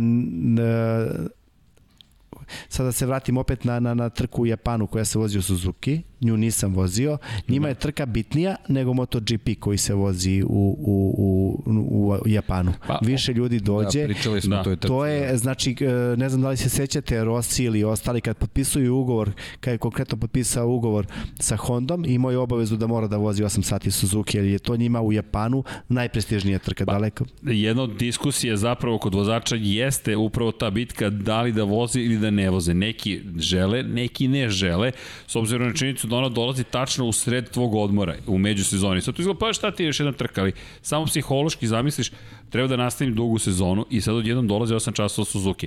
Ono što je tu razlika, 8 časova Suzuki je, pa kažeš, pa kraje tri puta, to jest dosta je kraća trka nego 24 časa. Međutim, Suzuka ima dve specifičnosti. Staza je izuzetno brza. To je izuzetno opasna staza. I dva, vlažnost vazduha je toliko visoka da ljudi jedva uspevaju da je završe. U početku su dva vozača vozila, sada tri vozača učestvuju u timu i Pole Spargaro između ostalog je jedan od njegovih ponosnijih momenta je upravo i Bradley Smitha taj moment bitke za prosto da, da, da, da se bore zapravo za pobedu na 8 časova Suzuki. To su stvari koje su veoma važne vozačima, ali isto I tako timovima. i timovima, ali kompromis ogroman. I onda kada pogledaš koliko su tu bile, koliko je važno bilo na 8 časova Suzuki da se takmičiš, to je to je meni makar mnogo interesantno i to je ozbiljna trka. To je izuzetno ozbiljna trka kao što si rekao, gledanija nego sve ostale trke motociklističke. U, Japanu, da. da. U Japanu je baš priznata i zato svi oni da. imaju ugovor da se tamo umatiče, pogotovo Suzuki, Honda, Kawasaki, Yamaha, svi su Japanci i onda im je baš izuzetno bitan pobeda na Suzuki. Da, i, i, i kada pričamo o tome, kada pričamo o tim uspesima, eto spominjemo Pola Espargara, spominjemo tu priču, to je iz perioda kada je vozio za Yamahu, to je za Yamahu bilo mnogo važno. Bradley Smith, i, i Pola Espargaro, kad sa Yuki Nakasuga su ljudi koji su Yamahi posle decenije doneli taj uspeh. Yamaha umeđu vremenu postao tim koji treba pobediti, četiri puta za redom slavila, pa je došao Kawasaki prošle godine, mada opet, kada pogledate, pretprošle godine, koliko su specifični bili uslovi, Re, Rea, Hazlam i ekipa i, i, i, i Razgatloglu, kako su pobedili, pa jesu li pobedili, nisu li pobedili, ali u svakom slučaju otišao, opet smo otišli negde, ali to je dramatično i to je mnogo uzbudljiva trka opet da se vratimo na vanzemaljci da. u jednom trenutku. Uh, sad si spomenuo, pa sam se zato setio razgu to, Toglu. Da. Vozili smo zajedno 2000 Uh, sad ću ti kažem koje godine, 2011. godine u Istanbul parku. Bila je trka neki da. šampionat uh, šampionat Balkana, ju, jugoistočne Evrope, šampionat. Bio sam dole na trci i tad sam ga prvi put video. Dečko je došao, mi kao svi tu nešto gume stavljamo, meke, ono, on je trku shvatio kao trening. Malo pre smo spomenuli Martin Choi, jel tako? dečko je došao, stavio najtvrđe gume koje imaju i od vozu trku ostavio za krug drugoga.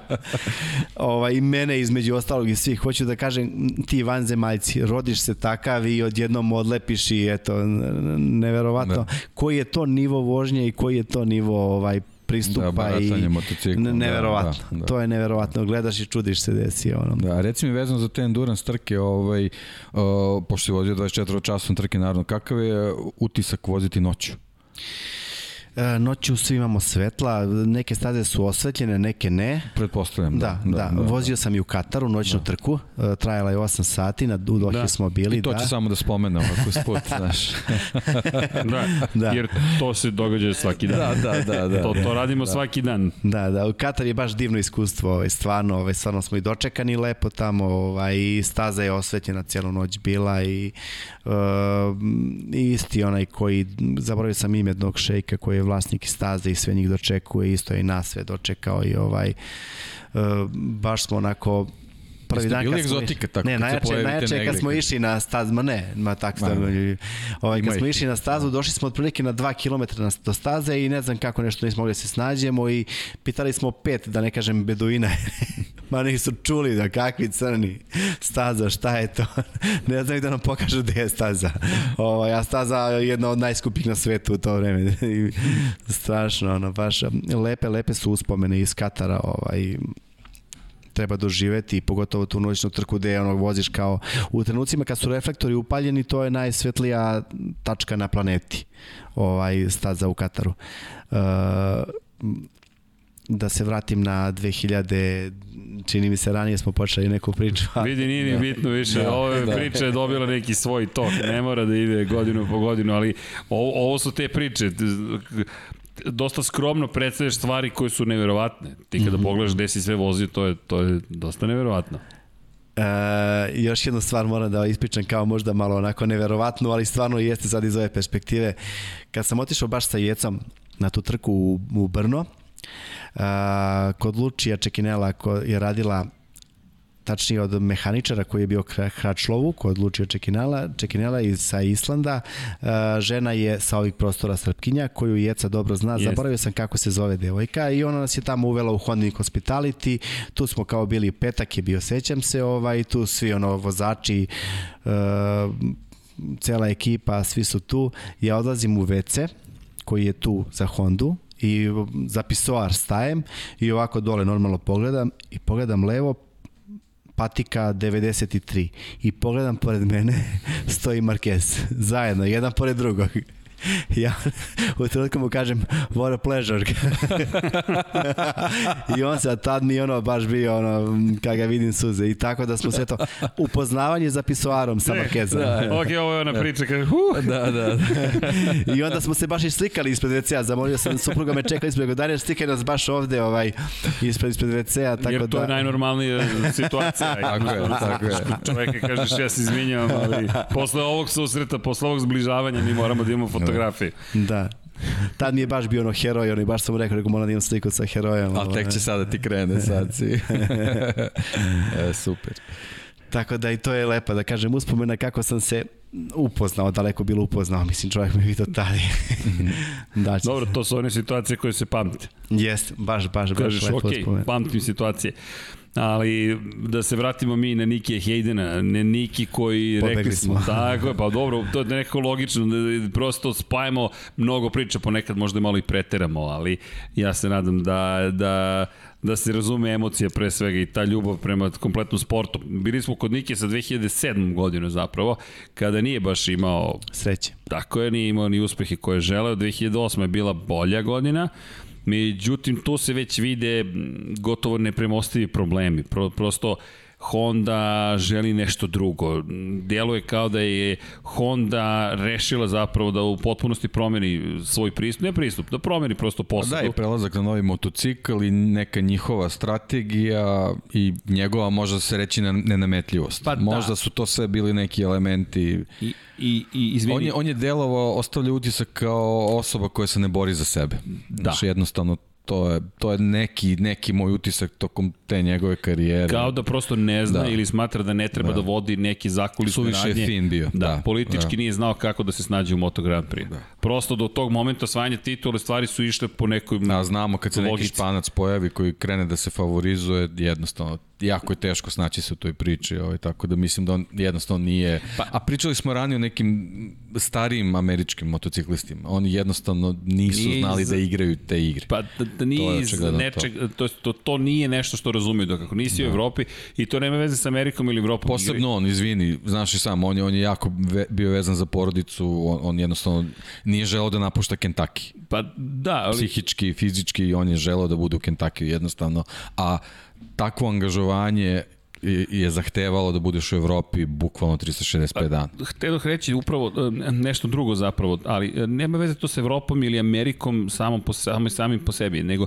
nego je stvar u tome da je Evropa centar sveta za motociklizam. Je, I ukoliko ti je. nisi tu, ti ne znaš ko je ko s kime, ko je s kime dobar. Evo, Žek spominje tu jednu situaciju koja deluje tako banalno, sretneš da. nekog u, u toaletu. Da. Ali, Ali isto tako, njegove priče, koga je sve susreo, koliko mu to sad koriste ta poznanstva. Znači, Pa, to su te neke to- veze koje možda Niki jednostavno u tim trenucima kao da nije osjećao da treba da ih napravi. To, to hoću da kažem zapravo. Da Ako, te, kažem, sretneš nekoga tako u jednom intimnom trenutku, ti ako ne krećeš se u tim krugovima svaki dan, kao što se kreću španci, kao što se kreću italijani i poznanstva postoje prirodna. Ti sretneš nekog usput, ej, čao, čao, ej, znam ovog momka, znam Dekija, znam Žeksa, znam Dom Pabla, znam Vanju, e, ok, to je neka ekipa koju ću uslučeno ne da pomognem, ali njih znam. Sad dolazi neki klijent iz Amerike, a tebe ne znam prosto, ja te ne znam ko si ti. Čak i kad osvojiš titulu, nekako si mi stran uslovno rečeno, a kao što si rekao, da. niko od njih nije znao da tu igru igra. I mi, mišljenje sam da je Niki, sad kada smo, smo se pre, pripremali za emisiju, pričali o Nikiju, da je u vakumu uspeo zapravo. Koji vakum? moment kada je on doveden da bude uz Rosija. Nije moment kada je on doveden da bude novi svetski šampion. On je doveden je. da uspe što više može da uspe, ali Honda je polagala nade u Rosija. Da, i ne smemo da gledali- zaboravimo uh, moment. Uh, američki superbajk u Americi mnogo popularniji od Moto Grand Prix-a. Mislim, to je činjenica. Da, statistika sigurno. To je, to je jednostavno Jeste. činjenica. Znači, on, on, njegova titula u njegovoj zemlji nije toliko propraćena koliko je zaslužio. Recimo kao titula Casey Stonera, Pa, koji je odmah stavljen na pijedestal u sve Jeste. ostale velike šampione. Ali to ima veze i sa tržištem, ali Niki je stvorio... Naravno, ali to je bukvalno splet raznoraznih okolnosti, e, situacija, strategija, Ali, e, što je bio taj trenutak. šta se desilo? Niki je kasnije postao kultna ličnost, ali nešto drugo sam hteo da kažem. Niki prosto je bio u vakumu kom. Nije doveden da zameni Rosija. On je doveden da bude klubski kolega Rosiju. Rosija je najveća zvezda. Ona sve titule, on, on, on je globalna zvezda. Ali ti sad imaš jednog američkog momka koji može da ti ostvari dovoljno dobre rezultate da ti prodeš ljudi i dan danas možete i u Kaliforniji i na Floridi da vidite broj 69 i vidjet ćete racing replike, vidjet ćete te Honda od 990 kubika racing replike koje ljudi dan danas voze. To su kultni motocikli. Pogotovo sa brojem 69 koji je postao vremenom šampionski. Honda to dobija. Međutim, šta se dešava? Zašto mislim da se stvorio savršen moment i vakum za Nikija?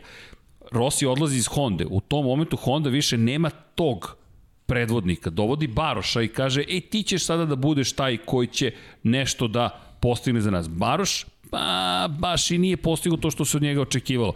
Ti kažeš, kažemo, ok, super je, Alex Baroš jeste velika zvezda i čovjek je koji je ostvario zaista velike i ozbiljne rezultate. Ali da li može da se poredi s Valentinom Rosijem? Pa ni blizu toga. Bukvalno ni blizu toga. S druge strane, ti kažeš ajmo da dovedemo sada Maxa Bjađija. Ti dovodiš 2005. Maxa Bjađija, ni tu nemaš rezultate. Niki Hayden i dalje toj nekoj igri, priča neku svoju priču. 2006. ti dovodiš Danija Pedrosu. Dakle, u tri godine Honda tri puta menja vodećeg vozača. Niki Hayden u toj priči je gotovo nevidljiv. Da, nikako da bude taj. E, ali, ali s jedne strane je to loše, s jedne strane je dobro jer nijedan od njih trojice nije uspeo. Dani je previše teki klinac, Max nije uspeo, s druge strane Baroš isto nije uspeo i Niki nije da se neko bavio previše njime, zapravo, toliko nisu mogli da se bave Bjađijem i Barošem, da je Niki imao svoju priliku. I dolazi prilika te 2006. osvaja, 2007. već, ej Niki, ovo nikad nije, nije bio plan za tebe. Nije, bilo, da. nije bio plan da ti budeš svetski šampion. Da, ništa se nije promenilo osvajanjem tako, od, titula. Tako, od 2003. kada je došao, on je vozač de facto broj 2. I to što lepo kažeš, osvajanje titule nije se promenio njegov, njegov, njegov položaj. 2007. loša, 2008. loša, ali ono što je poseban problem za Honda u tom periodu, bez obzira na njegovu titulu, Dani Pedrosa nije na adekvatnom nivou. Dani Pedrosa ne osvaja titule, ni 2007. ni 2008. Niti osvoje. Ni nikada. Da. Nikada, da. tako je. Ali ono što je zanimljivo, što si ti spomenuo, gde mi je veza još jača? Pričao si o gumama. 2007. Bridgestone je imao toliko dobre gume, koje, to ne umanjuje Casey Stonerovu titulu. Ljudi, Stoner nema šta više kome da dokazuje. On je čovjek pokazao da sada ga stavimo na Apriliju, on će da se bori za, za plasman na pobjedičko postolje. Sad da ga stavimo na Apriliju. Kamoli tad, ali on na tim Bridgestone gumama bio nezaustavljiv. I Rossi insistira 2008. Na Bridgestone. Ja, ho, tako je, ja hoću Bridgestone. Michelinke koje doživlja, te Michelin doživljava fijasko te 2008.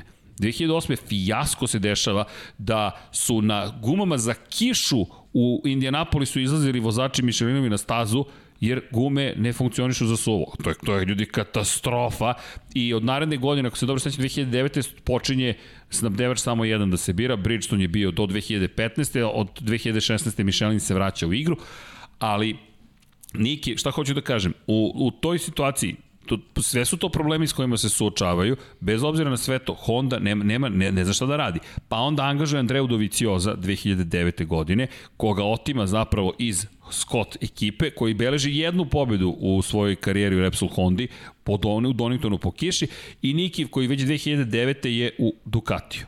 Ducati koji, ne zaboravimo, Casey Stoner je bio klubski kolega sa, sa, sa, sa Nikim Haydenom. Niki Hayden je i to kada su ga pitali koje su ti tri najbolji, koji ti najbolji vozač s kojim se vozio. On je čovjek rekao, tri vozača ću da istaknem, Rosija, Pedrosu i Stonera. Pedrosa najbolji i najprecizniji stil koji sam ikada video, Casey Stoner koji je mogao u prvom krugu na bilo kom motociklu da postavi najbrži krug, kaže to nikad nisam u životu video, čovjek sede na motor, prvi krug, najbrže vreme vrati se u garažu i kaže to je, to bi bilo to. Ovo vam je maksimum, nemoj da tražite više. I za Rosija, za kog je rekao da to nešto zaista neverovatno što je video. I ta dugovečnost i brzina koju posjeduje i na svim mogućim motociklima i sve što je postigao, prosto to su, da neverovatan je taj pogled koji je imao Niki i Niki koji je vozio hiljade i hiljade krugova njega dovedete dan, prvi dan testiranja, svi imaju dvocifrene brojeve krugova, Niki 105. 105 krugova. Evo, Žeks, ti nam reci, kako je odvesti 100 krugova bilo koje staze? Nenormalno, teško, da. Znaš, ti si ceo dan na motoru, on to uradi. Pa što, pa potrebno je. I on tako uči i ekipa dobija kilometražu. I on se najbolje yes. sna, jednostavno osjećao na, na motociklu, to je, to je definitivno. To, to je Niki. Ali taj Ducati isto moment, mnogo je to isto, to je, to je, to je važan trenutak i onda susret ponovo sa Rosijom. Nije da možemo da kažemo u nastavku karijere da, da su to bili briljantni trenuci, da je pa, ono... To je mnogo, kako beš, pet, sve. tako, pet sezona, mnogo teških pet sezona u Ducati, stvarno, uh, za njega. Tako je, i za da. njega gde on 2009. je u senci Casey Stonera. Uvek u senci, da. Uvek u senci. Uvek u ti senci. si uvek u senci. 2010. ti si opet u senci. Ti si opet vozač broj 2. Imaš ti plasmane povremeno pobedničko postoji. Indianapolis, možda jedan od lepših uspomena, treće mesto, pa si u Aragonu treće. I onda dolazi taj period kada se opet udružuje s Valentinom Rosijem i on kaže, Ljudi, ljudi. ljudi, ja delove nove ni ne vidim. I nije lako voziti kada sve nove delove dobije samo jedna strana garaže. Nije on ni kritikovo, čak ni Ducati, ni Rossi. Rekao, ok, razumem, ali šta to znači za tvoju karijeru? Ej, vidi, kad završimo sa svim ovim promenama, dostavit ćemo ti neke, neke stvari. To je ono, verovatno, I... neki osjećaj kad te niko ništa ne pita. To je, to je, a ono, vraćam se, on je bio mnogo... U je generalno tako. Mnogo Rossi fin momak. je otišao iz da, Ducatija zbog da, toga, da. a Niki se susretao s tim i da. ranije u Hondi, pa onda nastavio pa, u Ducatiju. Evo kad pogledamo, kad se vratiš bukvalno kroz čitavu karijeru Moto Grand Prix se susretao s tim. Da, da, jer i Honda da. i Ducati znači, su... i ta titula, to je bila ogromna borba to što kažeš, potpuno zasluženo ostane, znači bez, bez ikakve dileme, kad pogledamo s čime on se, sve mora da se susreći. Ono što, da. što je u celoj toj priči nekako, rekao bih, potpuno zanemareno jeste to što to imaš jednog šampiona koga ne tretiraš kao šampion. Nije, zanem, on je jednostavno, ne znam, čudna mi je njegova karijera, a opet toliko pozitivnih emocija i uvek. Svi su pa publika je to znala da, da prepozna. Znaš da je on autentičan, da. takav da. kakav jesam. To, Tako. to je to. Ovo je, šta vidite, to, to je to. Nije nešto sakriveno iza ovoga. Ne, ne, ja sam to što jesam i daću sve od sebe. Da, on se maksimalno posvećivao stazi, ali uvek ima vremena i za navijače, i za porodicu, i ali kad je na stazi, to je 100% bilo. E, to je i ti krugovi koji si naveo, ne, nema šta. A mi smo o, u 2020 imali imali ovaj uh, situaciju da na testiranju između dva ovaj uh, Mizana da Ducati popodne ne izađe na stazu. Da, ne izađe na stazu. Da ni jedan vozač ne izađe na stazu. Eto, to, to, Jer... da, da li bi se to dešavalo da je Nicky Hayden bio tim?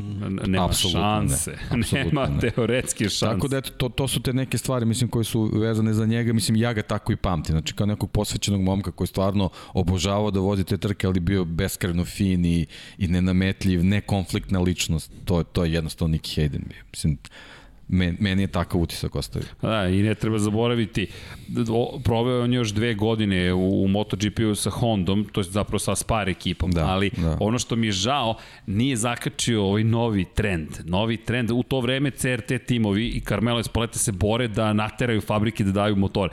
Zamisli sada da bilo ko od njih, pa i Hayden, da sedi u bilo kojoj privatnoj ekipi, pa imao bi manje više fabrički motocikl.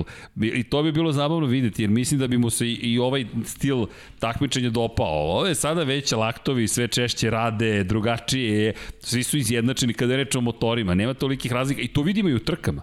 Evo, prošle godine, ko će da pobedi? Ne znam da. ko će da pobedi. Imaš i uspon, imaš i padove, nema kralja, e, stari kralj ne može da uđe u formu, novi kralj povređen, to je isto veliko pitanje. Videli smo neke fotografije, terapija i dalje smo zabrinuti bojažljivo pričamo o tome šta čeka Marka Markeza. Niko nema predstavu. Držimo palčeve, prognoze su eh, problematične. Ćutanje je najveći problem. Mislim da i Honda da. shvatila da je ćutanje problem, ali ok, dotaći ćemo se te teme, kada je reč o Nikiju, nije karijera završena na neki spektakularan način. Ispraćanje iz Moto Grand Prix-a uz poslednju trku je vozio za Mark VDS Racing, kao čovek koji je došao kao zamena. I da, to je... Hvala zamena, da. Zamena. I bio u Aragonu 15. u Australiji bio 17. I to, gledaš i kao, čekaj, i Mark VDS Racing, čekajte ljudi, i ta ekipa ima taj jedan kultni moment. Niki Hayden je vozio za nas. Jeste. Te ja sam još što da kažem, nema veze sa. Nema veze. Um, baš Malo je dug, duža priča. Možda upoznao sam šefa ekipe Mark VDS-a koji je na kraju dobio otkaz. E, Bartolomiju? Da, baš to i imam i njegov broj telefona i to nešto sam sarađivao sa njim. Tačnije oni su imali uh, i tim u uh, Endurance svetskom šampionatu, Hondu su vozili pa su mi prodali neko ogibljenje koje meni odgovaralo za moju Hondu, pa eto tako sam došao sa njim, ali kasnije sam, mislim već tad mi je nešto malo bilo sumnjivo ovaj, da je to možda malo nešto ispod ruke s njegove strane prošlo. A posle kada sam čuo da je dobio otkaz, pretpostavljam da bile su u pitanju neke ogromne pare, u koje ne sumnjam da su proneverene sa njegove strane i mislim da je bilo suđenje i da je on osu, osuđen za to što ne, je... Ne, ne, ne, na kraju su dokazali da nije proneverio.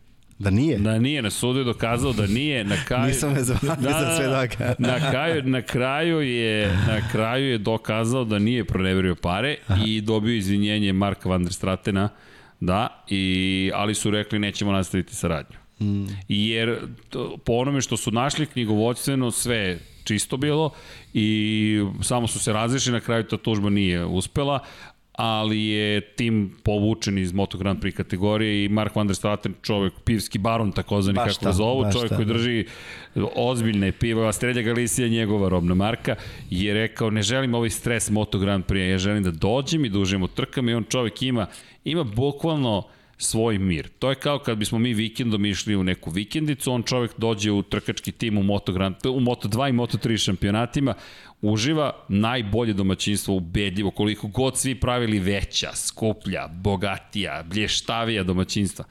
Zna se gde se ide na kraju, odeš do Estrelje Galicije, to jest odeš do Mark VDS-a, žurka traje non stop. I Mark van der Straten je tamo, pijutska pivo, 0-0, da ne bi bilo alkoholno, poziva goste, Alex Marquez ti do pre par godina bio vozač, imaš sjajnu ekipu, uvek boriš se za titulu, opušteno. I on čovek uživa, bukvalno da je rekao, ja sad da se stresiram oko Moto Grand Prix političkih igara, neka, hvala.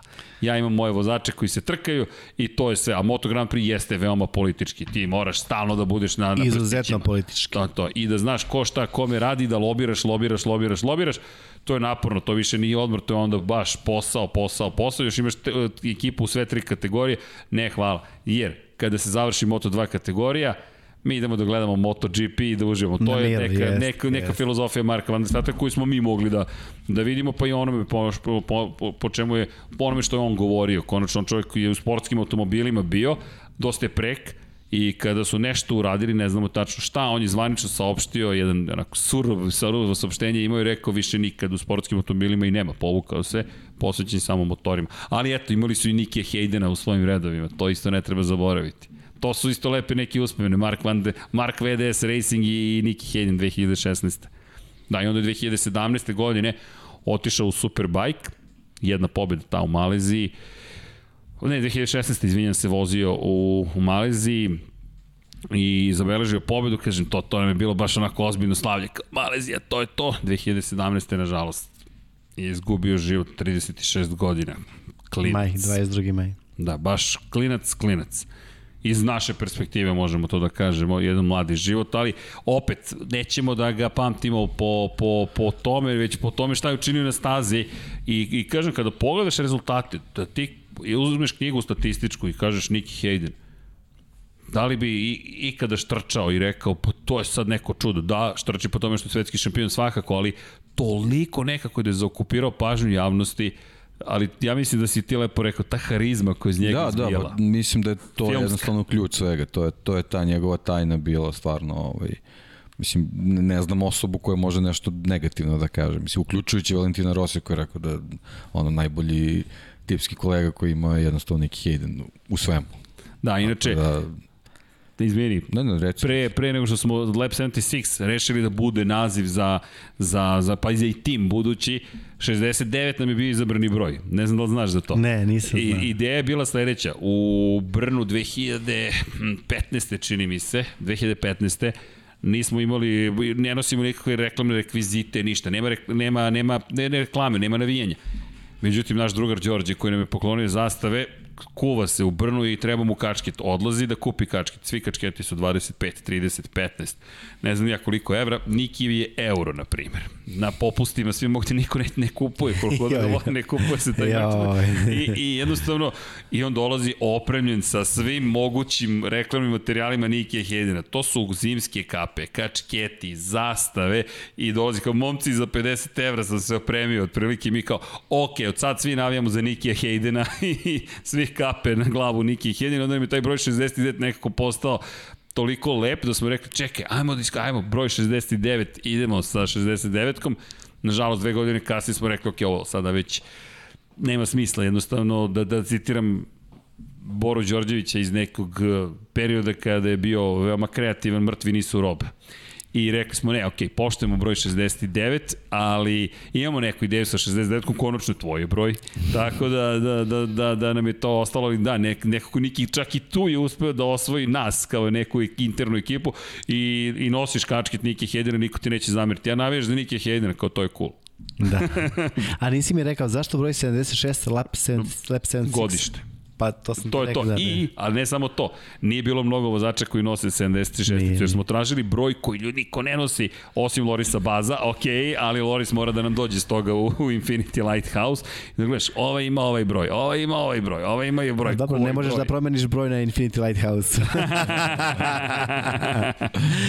Ko ne zna, broj 46 je na ulazu, znači ovo je Svetogorska 46. Da, nismo da... da smo to izabrali. ne znam, sudbina. Lako se pamti, lako se da, da, da, neki ga lako da, pamte, da, da, neki neće da dođu. Ali da, pa dobro, vidi, e, Viktor je bio Savić u prethodnom studiju i moramo Viktora ponovo pozovemo sad da vidimo kakve su mišljenja posle sezone. Viktor nam je dolazi, pa tu neke optužbe iznosio na moj račun, ali branit će se ovoga puta. U kom smislu optužbe? Što pa vidiš si... zastavu iza mene, što sam šta? Navijač Markeza. evo, evo, evo kreće. Ne, ne. Je to taj deo? Hoćemo iz početka ili... Udri Željko, sedi, evo. uh, Markeza sam slabo pratio u Moto2. Pratio sam kako je došao u MotoGP, prva trka, treće mesto, ali tako, u Kataru, druga trka, pobeda, suze mi krenule na, na, na, na oči, sa, stvarno. Tad sam bio na odmoru sa suprugom na Tenerifima, bila je neka žurka, to je, tamo je dva sata razlika, Tenerife i Srbija, plus tamo ovaj, Amerika, ne znam koja je tačno razlika, ovaj, vremensko, bilo je 10-11 sati uveče po vremenu tamo gde smo bili na odmoru, razlik, uveče je bila po našem vremenu trka, otišao da gledam, čovjek pobedio, prekinuo sam baš žurku lepu, finu tamo na plaži, koliko mi je bilo stalo do trke i rekao, evo ga, to je to, ovo je. Umesto Rosija došlo mi baš sam bio navijač, baš ono iz svog srca neverovatno koliko sam ga voleo. Ali što bi Valentino Rossi rekao pre neki dan 2015. ne mogu da zaboravim. Mm, ali ko može da zaboravi? Da. Ja ne mogu da, da. ja se uznemirim zbog cega toga. Uh, počelo je da Australije i on je napisao baš da je on da je prva optužba na, na, na račun Markeza je stigla od Rosija za, za Australiju, što stvarno u tom trenutku, trenutku doktor Rossi na konferenciji za štampu u Malezi nije spomenuo, niko nije spomenuo, a ja sam video majke mi, da nema razloga da se kunem, rekao sam svoje, ovo mi nešto sumnjivo. Marquez namerno, on se igra sa njima. Između ostalog, on je neviđeni talent, ono neverovatno. Rossi nije bio onakav talent kad se pojavio, čini mi se, u MotoGP-u kao, kao Marquez koji je bukvalno pravljen za, za, za, za MotoGP. Ono, ono je neverovatno. Uh, I onda kreće, ono, malo pre si rekao da su velike političke igre u MotoGP-u. Marquez je nažalost žrtva po meni i još nekih ljudi, pošto sam dosta sad tad sam čitao, baš sam se bavio celom tom situacijom koja se desila u Malezi. Marquez je a, a, a, bukvalno dobio naređenje od političkih, da kažem, čak e, e, e, da ne spominjem sada i kralja više Španije, strukture, da, više da, strukture da, koji da. dolazi na trke i kaže želim Španca da mi bude šampion, jel tako? Tad su bili samo Lorenzo je bio u igri, niko više. Ali mislim da način na koji je to Marquez uradio je izuzetno, izuzetno Rossi nikada nikom se nije mešao u, u, u da nekom uh, trku ukoliko on, on je se mešao, jeste bio Pogan Rossi, ne kažem ja da je on svaku trku vozio čisto ispravno i on je terao ljude napolje van, ali je se borio za sebe, za svoju titulu. Marquez je to uradio boreći se, želeći da ugrozi Rosija da bi Lorenzo ostvario titulu. Opet kažem, on je dobio zadatak da to uradi, ali je uradio krajnje Razumem tvoj stav. Da Samo, da. samo moram da iznesem i nekde moj stav, stav, da kažem, studija. Želim da ga čujem, da. Da, da to, znaš kako, ja, ja to gledam uh, malo drugačije. To jest, uh, da li postoji između njih animozitet? Apsolutno. Nijedan ni drugom nećem prostiti 2015. Svako je mnogo toga izgubio ti 2015. E sad, ja ne gledam iz te perspektive, ja, da li španac da osvoji, da li španac da ne osvoji. Ako pogledaš biznis, ne postoji bolja osoba da osvoji titulu od Valentina Rosija za Dornu. Ne postoji. Ne da. postoji da. veći poslovni yes. interes osim yes. Valentino Rossi da osvoji. Tako da, i kada se priča o španskoj vezi, ja kažem, ok, mogu da razumem da, da postoji španska veza, na, da, da, da kažemo, to, to mi se više desilo Dobro, da, gledali smo, bilo je i rukovanje na pobedničkom postolju, sad ne spomenjamo, znači da. ima tih španskih veza. Ja, vidi, to sve postoji, to, da. postoji kada reč, e, više sam doživio sa Danijem Pedrosom čak u jednom momentu, jer su neki drugi kolege rekli, uh, krivo, Pedrosa reče uveni moment kada nije htio da se rukuje sa Markom Simončelim. Ali je stvar u tome što... Ali izvini, i ovo što Naravno. smo pričali, dolazak u ekipu gde je već Hayden koji se stavlja u drugi plan, to je to je sve možda nešto vidi, povezano. Repsol je tako španska je, kompanija, tako postoji tako veza, Dorna je tako takođe španska, ali ima tu jedna stvar, e, nije tako crno-belo, to je ono što, da, naravno, što nije tako naravno, jednostavna naravno. situacija, jer ti ako koštaš Rosija titule, pa ti si izvršio poslovno samoubistvo praktično. E, osim što se desilo Što nešto... se videlo. Ne, nisi u pravu. Ne, ne, to hoću da kažem, da, da, da, ali se to nije desilo. Ti si stvorio kontroverzu koja i dan danas traje, koja i dan danas okupira. Evo, ti danas pričaš o Markezu i Rosiju i tom incidentu. Ja mislim da oni nisu znali da će im se to desiti. Jer Toliko vidi, da bude, da. Ali zašto ja mislim da to da njihov cilj nije bio da zapravo oduzmu uh, Rosiju, jer ko je, ko, ko je stvorio kontroverzu? Rossi Marquez. Rossi je taj koji je pokrenuo priču i rekao, vidi, ovo se desilo u Australiji. Sad se postavlja pitanje, da li je to bio pravi potez? Ja, ja gledam to iz jedne i druge perspektive. Ako povlačiš taj potez, ti sada ulaziš u sukob sa Marquezom, više se ne baviš Lorencom a on je ti je taj protiv koga se boriš za titul. I sad, reakcija Markezova nije bila, ok, ja ću da se povučem iz ovoga, ne, sad ću da budem još agresivniji. Pri čemu, e, kada pogledaš vremena u Australiji, Da, postoje razlike, ali ima jedan veliki problem. Marquez je pobedio u toj trci. On nije pustio Lorenza, tako da ta teorija je problematična. Marquez je oduzeo 5 poena Lorencu. Ko je još pretekao Rosija? Nije ga pretekao samo Lorenzo. Ljudi, Andreja Janone je Rosija dva puta napao na takav način da ga izbacio iz borbe za pobedu, a Janone više niko ne priča. E, zašto Rossi nije spomenuo Janone i rekao, čekaj, e, moj čovek Italijan me koštao plasmana na treće mesto i izbacio me iz trke za pobedu. Znaš, tako da ta teorija nije tako crno-bela. Pogledaš tu trku, kompleksnije je to. Da li Marquez nešto pokušao? Ne znam. Ja zaista ne znam. Ti si trkač, ti bolje vidiš to te stvari. To hoću da ti kažem. To, uh, celu tu situaciju, uh, svi ti komentari po YouTube-u i to, Marquez je car, ovo, to su nove generacije ljudi, mladi, koji ne znaju Rosija iz nekog našeg vremena, kad smo mi bili mladi, nisu ga zapamtili od tada, od tad tu harizmatičnu, da kažem, pojavu i sve te njegove po, pobede i te novine koje on uveo u MotoGP, svo to glupiranje i proslave, spektakularne pobede koje niko nije radio pre njega. I nama je zbog toga meni mislim je zbog toga Rossi ostao na srcu. Marquez se pojavio kao neviđen talenat, stvarno danas ako se vrati, evo da kažem do 2019. nema boljeg vozača. Stvarno poštujem, skidam kapu. Nemam ni jednog trenutka da kažem da je Marquez loš vozač daleko od toga bolji je vozač od Rosija, pogotovo zadnjih godina.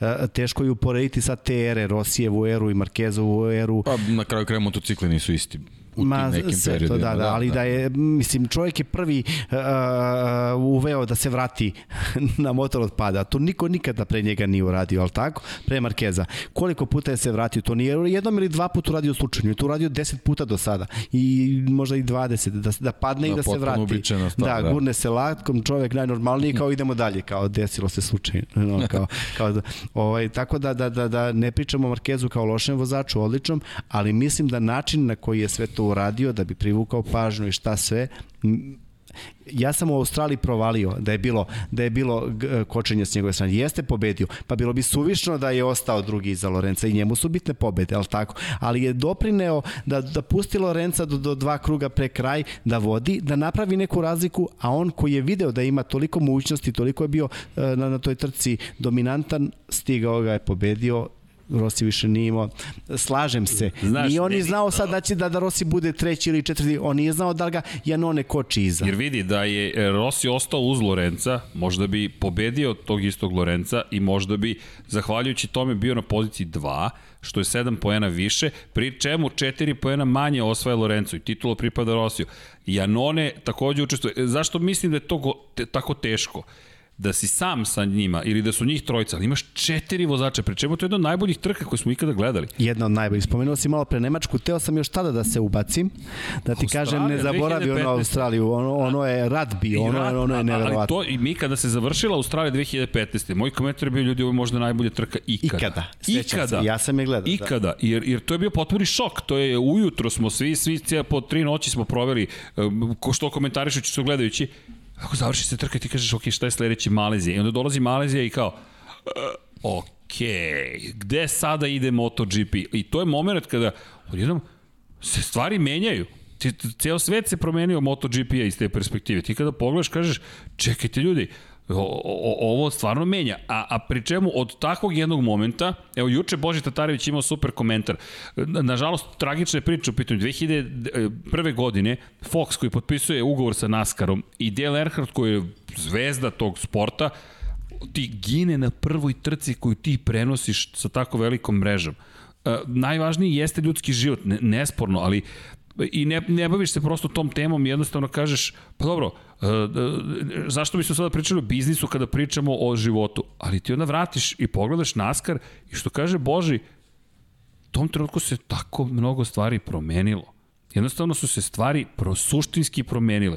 I ti kažeš sebi, aha, okej, okay, takav jedan moment menja kompletan univerzum Naskara, u ovom slučaju Moto Grand Prix. Vanja, poslaću ti jedan link sada, da vidiš, sad otvorio si neku to temu koja je beskonačna. Ne smijem da pogledam komentare. Ako ja, pogledam komentare, tako je, da, ako pogledam komentare... To ti je kao ono hrišćanstvo vidi, i, i ovaj islam sada. Da vidi, se vidi, vidi, ne, ovo, ne, ne znam šta si otvorio, razumiješ? Ne, vidi, mi, mi, mi, mi, mi... Uh, Sad će svi ovaj Željko nema pa je Markezov ja će to majstore. Ali, vidi, uh, nekoliko stvari. Mi ne delimo ljude ni po religiji, ni po, ne treba, ni, ni, ni po treba. čemu. Jednostavno čovjek je čovjek. Možemo da pričamo o, o, o ponašanju, ali si možda uporedio na najbolji mogući način, to je kao religija. Ti sada, Bukvalno. da li si Rossi ili si Markezov. Da li si kreacionista ili si uh, Darwinova. Šta god, znaš, to je takva podela otprilike. I sad ja ne smijem da pogledam chat, ako pogledam chat, bojim se da tamo sve izgorelo. Sad je puno pozdrava za Žeksa, u svakom slučaju, pratim ja. Tako, da.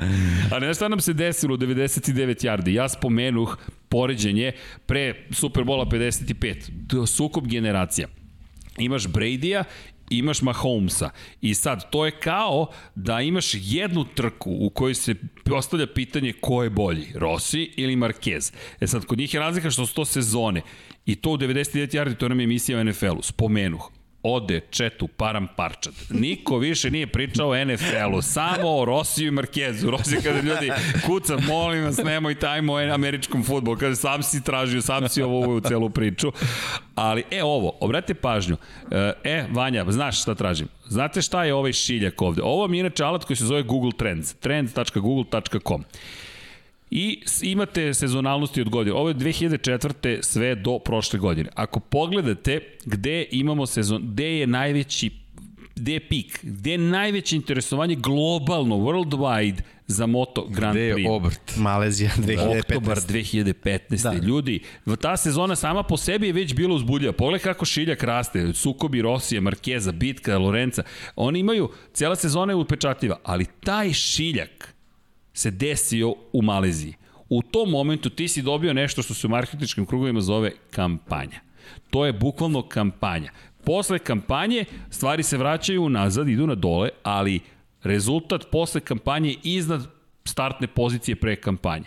I Moto Grand Prix od tog momenta je mega popularan. Tako da, ja mislim da niko nije mogao da izrežira reakciju ne, Rosija, niko. nije mogao da izrežira reakciju Markeza, znam da, sećam se, posle Valencije 2015. Strah kod svih u Dorni, bili smo u Valenciji, to je jedna od uspomena koje ću zaovek pamtiti, i pričamo sa njima i jednu trutku kažem, pa možda će otići u Superbike.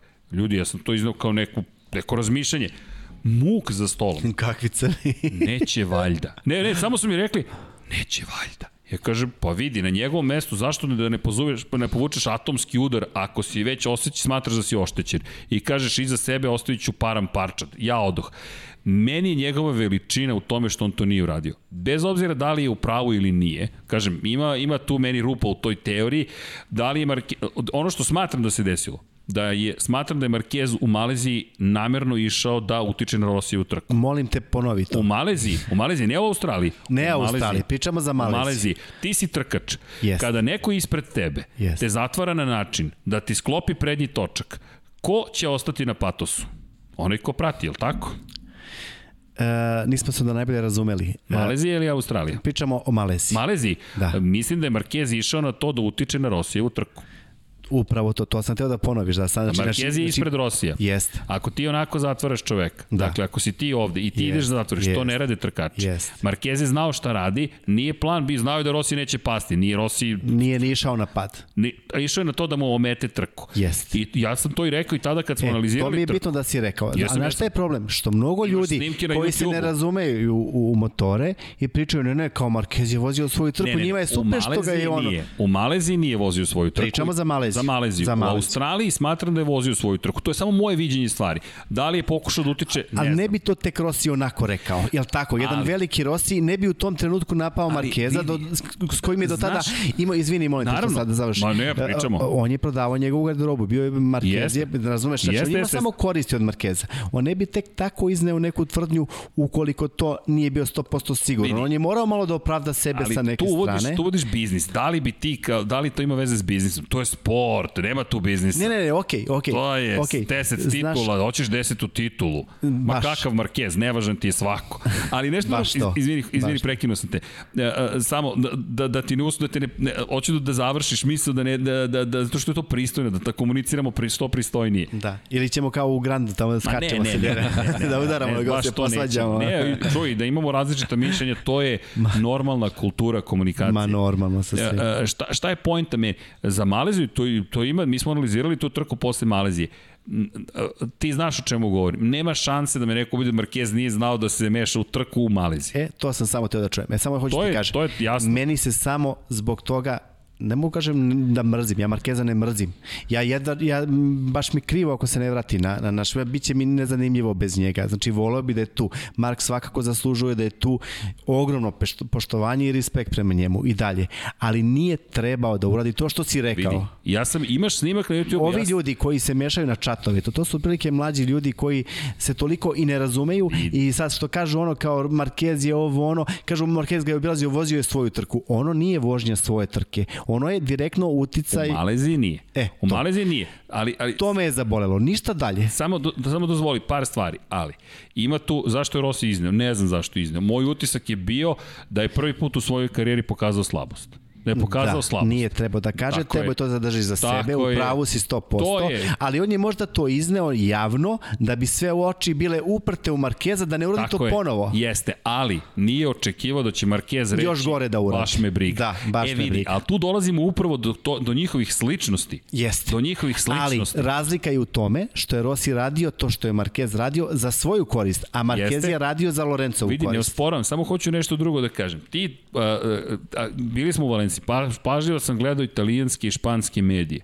Žeks, oni su sipali ulje na vatru u Oni su galo- tek oni zapalili, Su to oni su bacali baš to. ovako. Ne- ne ulje, benzin su sipali. Benzin, ma što, nađi najzapaljiviju substancu koju možeš, oni su to bacali na vatru. I gledao sam kako huškaju Jedni huškaju Rosija, jedni huškaju Markeza. U tom momentu tebi voda u ušima. Jednom i drugom. To je kraj. To je sada njihov sukob koji počinje u Argentini te godine.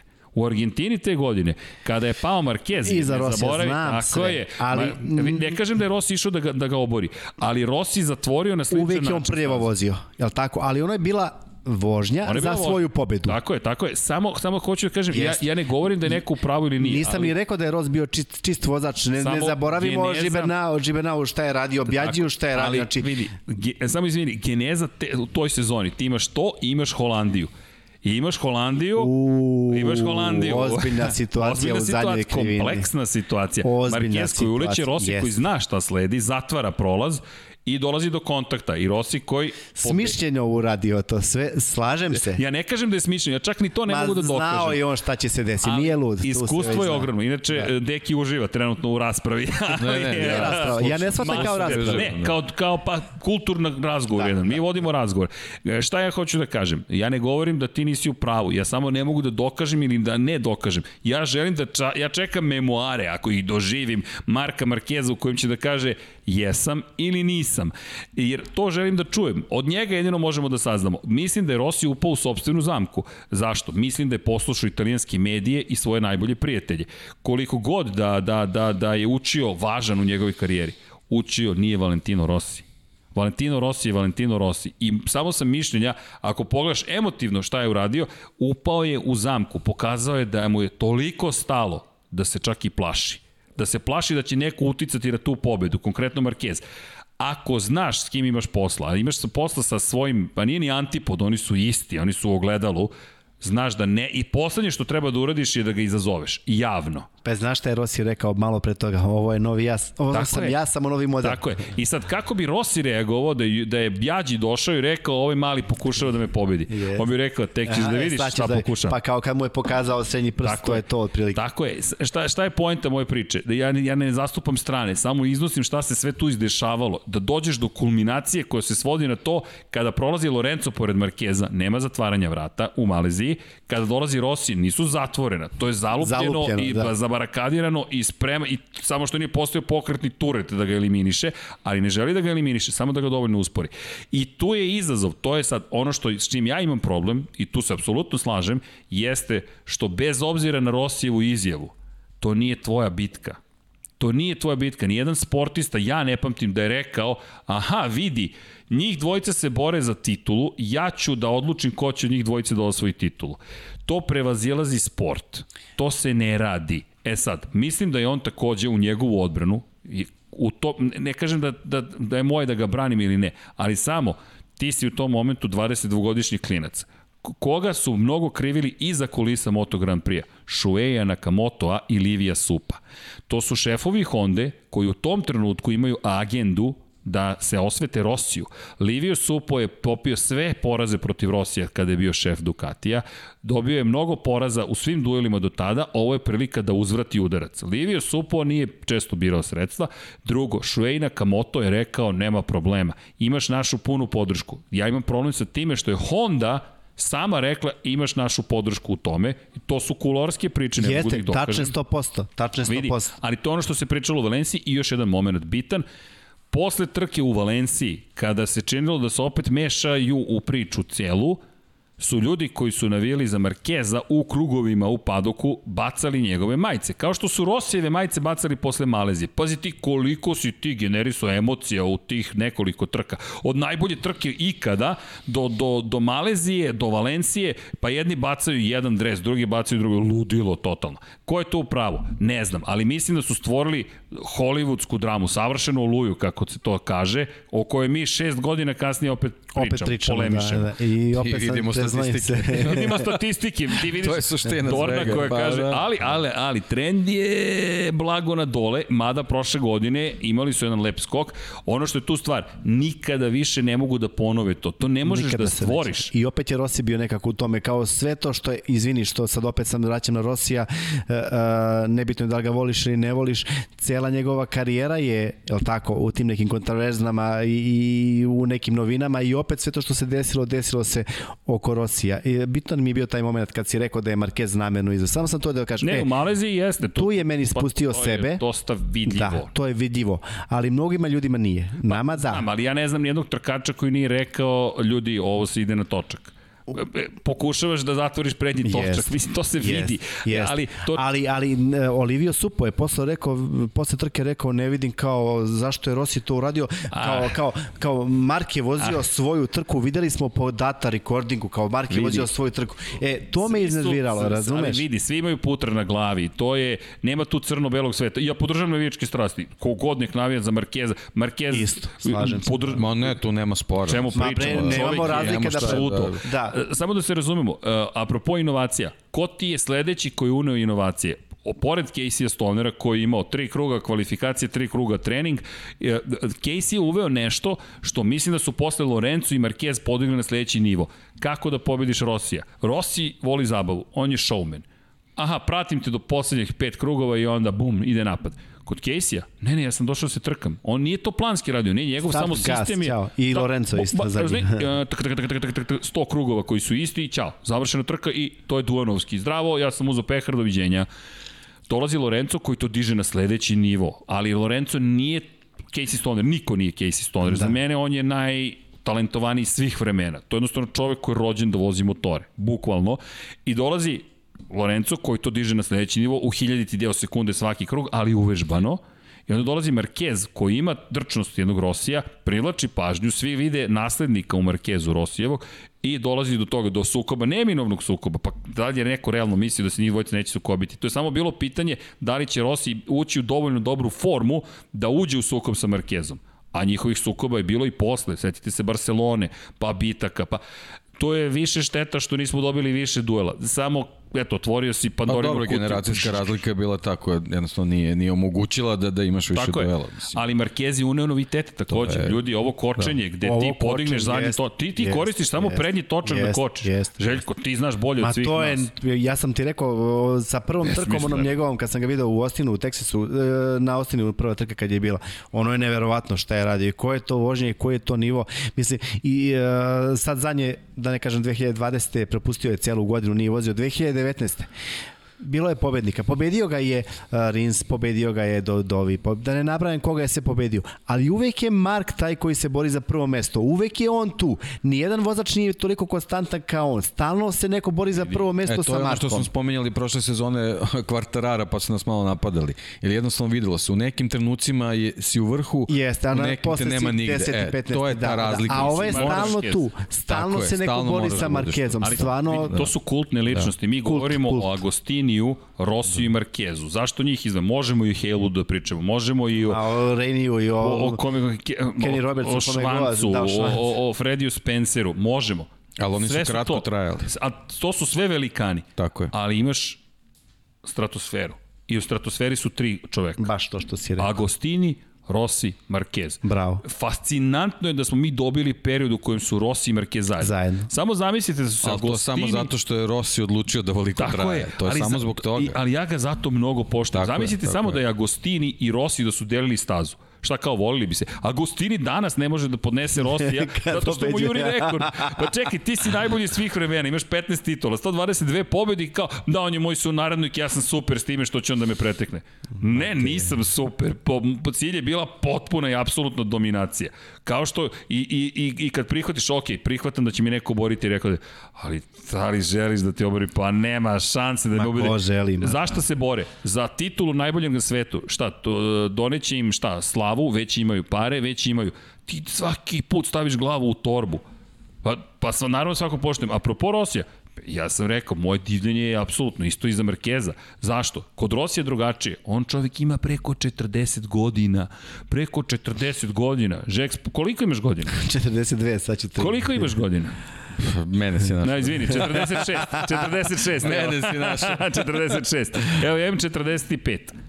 Ljudi, Rossi je naš vršnjak. On je na Moto Grand Prix stazi. On je na Moto Grand Prix stazi. Mi imamo podočnjake, o, nemamo kosu, sede vlasi su tu uveliko. On čovek vozi Moto Grand Prix trke. I ne samo to, on zna da su šanse da će biti šampion male. Postoje, male su i dalje je tu. E to je ono što mnogo poštujem, to je ono što si ti deki rekao. Mislim da je produžio život kompletnom Moto Grand Prix-u. Pa i Markezu i svima ostalima rekao, ok, ostajem i zbog sebičnih razloga, ali ostajem i zbog sporta, drugo on tu uživa. I zahvaljujući tome mi smo dobili ove sezone u kojem imamo i Markeza, imali smo i Lorenca, žao mi što nema Stonera, zamisli tek taj spektakl. Isto tako, izvini, uh, ono što svi navijam, zamislite povratak Marka Markeza u formi kako je bio posle ove povrede, ove, ove strahote koja ga zadesila, mm. da se vrati da bude ponovo šampion. On ako se vrati da, to vazi, on će uzdiglo, samo da, da, da. i... Ja. Tu bi se čak i neke stvari iz, iz pro, po, prošlosti, ja mislim, potrle, Pa, tako da... da, znaš kako? Marquez ako se vrati, to će Da. biti tako. On, ja mislim da ne zna Da. drugačije da vozi Da, sem da, da, da. da, se To bori smo- za to prvo smo mesto. apsolvirali Da, odavno. da. Apsolutno. to je- Ali to je vidi, to, ima da. tu još jedna stvar, samo da se dotaknete 2015. Ja, ja kako godine prolaze posmatram Eto, i- opet i isto on vraća drugačije. Ne, samo, samo da, da zaključimo tu temu na, na jedan način. To je lični sukob između njih dvojice. Znate šta je ironija cele te priče? ironija i tragedija i sve ovo što si ispričao, to je ovaj grčki komad da mi je Moto Grand Prix ispričao, za Homera je. A to je da zapravo čovjek koji je osvojio titulu nije spomenut ni jednom. U senci titula U skroz. senci je svega toga i još jedna stvar, najbolja trka koju je ikada izvezao Dani Pedrosa u Maleziji te godine je postala nevažna. Nevažno. On je čovek bio najprecizniji. Pa i Lorenzo ikad. Valencia. Tako je, sve je to zaboravljeno u, u senci ovoga. Ali kaže, to je Pandorina koja Žeks, to sad si otvorio, trebalo da imamo pitanje i odgovore. Međutim, stiže nam ekipa SKNFL podcasta u studiju na kraju univerzuma. 20 do 9, da. Oni u 9, samo znaš, 3 sata već trajemo. Uh, Rekao a sam nisam ti. ispričao još sve. A nisi još ispričao sve, razumeš? Znaš, mi, mi morat ćemo te zovemo ponovo u goste. Ima, imaš ti, ali otvorio si ovu temu, ova tema je Vak. Ne, ne, i tema vezana za Moto Grand Prix i za aranđelovački motociklizam i to stvarno mnogo tema ima. Mislim, Da, da, da, Žeks da. potiče iz grada koji je ono, ja ne znam koliko tu priča motociklističkih postoji još od, od preluke, ja mislim Da. tamo od, od ekipe koja je to vozila pre 60 godina, tako da tu stvarno priče su ono Kako ćemo? Ništa zakažite sledeći sastanak, ne moramo Ja skoro, aj da ćemo- sačekat ćemo ne, malo, da. sačekat ćemo nešto u toku sezone, pa ću onda još ispričati nešto što sam planirao sada. Šta si planirao? Pa, malo je duže, da ne započinjem. Da, da, da. Vidi, da. mi obično trajimo po 5 sati, ali smo gledali da se uklopimo da, da, da nekako bude neko pristojnije vreme, da ne dođeš baš u 9 uveče pa da trajimo do 3 ujutro, ali ako želiš, pazi, Pazi, sledeći bliže nam se lap 76, broj 76, tako koji da... treba da traje dugo. Dugo, da. Samo da znaš, Da. 24 časa Lemana, ne, 37 časova, lepo, 7, Ali ne šalimo se. Ne šalimo se, to- Svetski to je rekord svetski je, rekord. kako smo rekli, koliko sati beše? 34 sata. A menjaćete goste ili ne? Pa vidi, jel možeš da izdržiš 37 sati da budeš tu? Pazi, on je vozio možeš ti- 24 sata, tako da Vidi, nije ja- problem. Ja imam iskustva, ti ne. Dobro pitanje.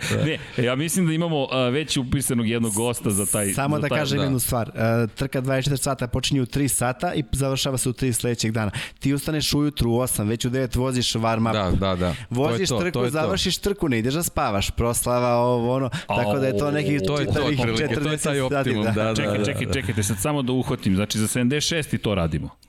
Šta? Rekord? Obaranje rekorda. Pa ne, ja mislim da bi to mogla bude samo dobra proba neka, pa ćemo vidjeti. Dobra proba, da, ali vidi, vidi, Da. vidi, vidi. Danas sad je ovo broj 69, zapravo 70.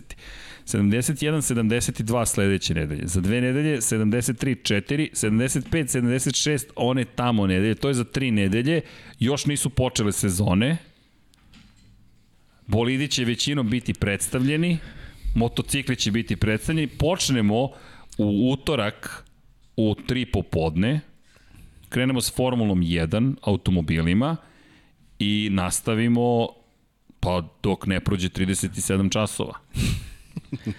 Samo da s ovim završimo, ovaj, pošto Željko se plaši, plašio se negativnih komentara na početku, kako će sve biti. Samo jedan da ti pročitam za kraj. Ajde. Nemoj slučajno da ti padne na pamet da se ne pojaviš opet.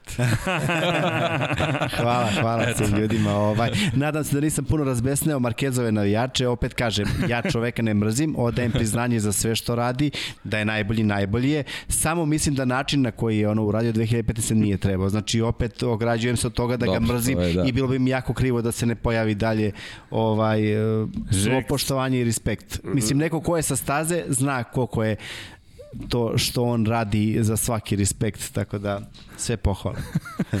U svakom slučaju, ja se nadam da ste se zabavili, izvinite sada što, što, što ne stižemo sa pitanjima odgovorima, ali molim vas, molim vas, ostavite pitanja u komentarima na sam video, o, to ostaje kao snimak. Očigledno da smo pokrenuli još nešto, a to je Lab 76, ovde se uvijek nešto novo pokrene, to je Infinity Lighthouse, da, da žao mi je što sada prekidam, nekako kreće sada prava zabava, rekao bih, ali vidi, ovo je warm up, može tako. Može, Ovo je, ovo je, o, ne, ovo je sprint trka bila od dva i po sata. To, to je sprint trka. Tako da, Žeks, mnogo ti hvala. Nadam se da su i oni koji vole Nike Hedina se podsjetili Nikija. Volili bismo da kažemo, postoji mnogo više priča o, o Niki, ali pre svega priča jeste o tituli, osmehu, emocijama i jednoj poruci koju mislim da uvek nosio sa sobom. Nema predaje. Nema predaje i na taj način bih ih završio. Never give up. Never give up, tako je. I ta Ko to ima vera... istetovirano na ruci? Aha, ima Novi- Pole Spargaro, da, pa je da. naravno, naravno. Ima tu mnogo tih poruka i to jeste lepota sporta, da, da, da, da ali ta poruka Niki Hedina, 100, 150 krugova, nije bio najtalentovaniji, ali je bio pravi šampion. I Žeks, hvala ti, broj 69 ostaje iza nas, ali mi ćemo se družiti, Hvala, vidim, hvala vrlo vama. brzo. Hvala vama. Veliki pozdrav ime cijele ekipe ljudi i naravno, Pozdrav. Ćao svima. Ćao.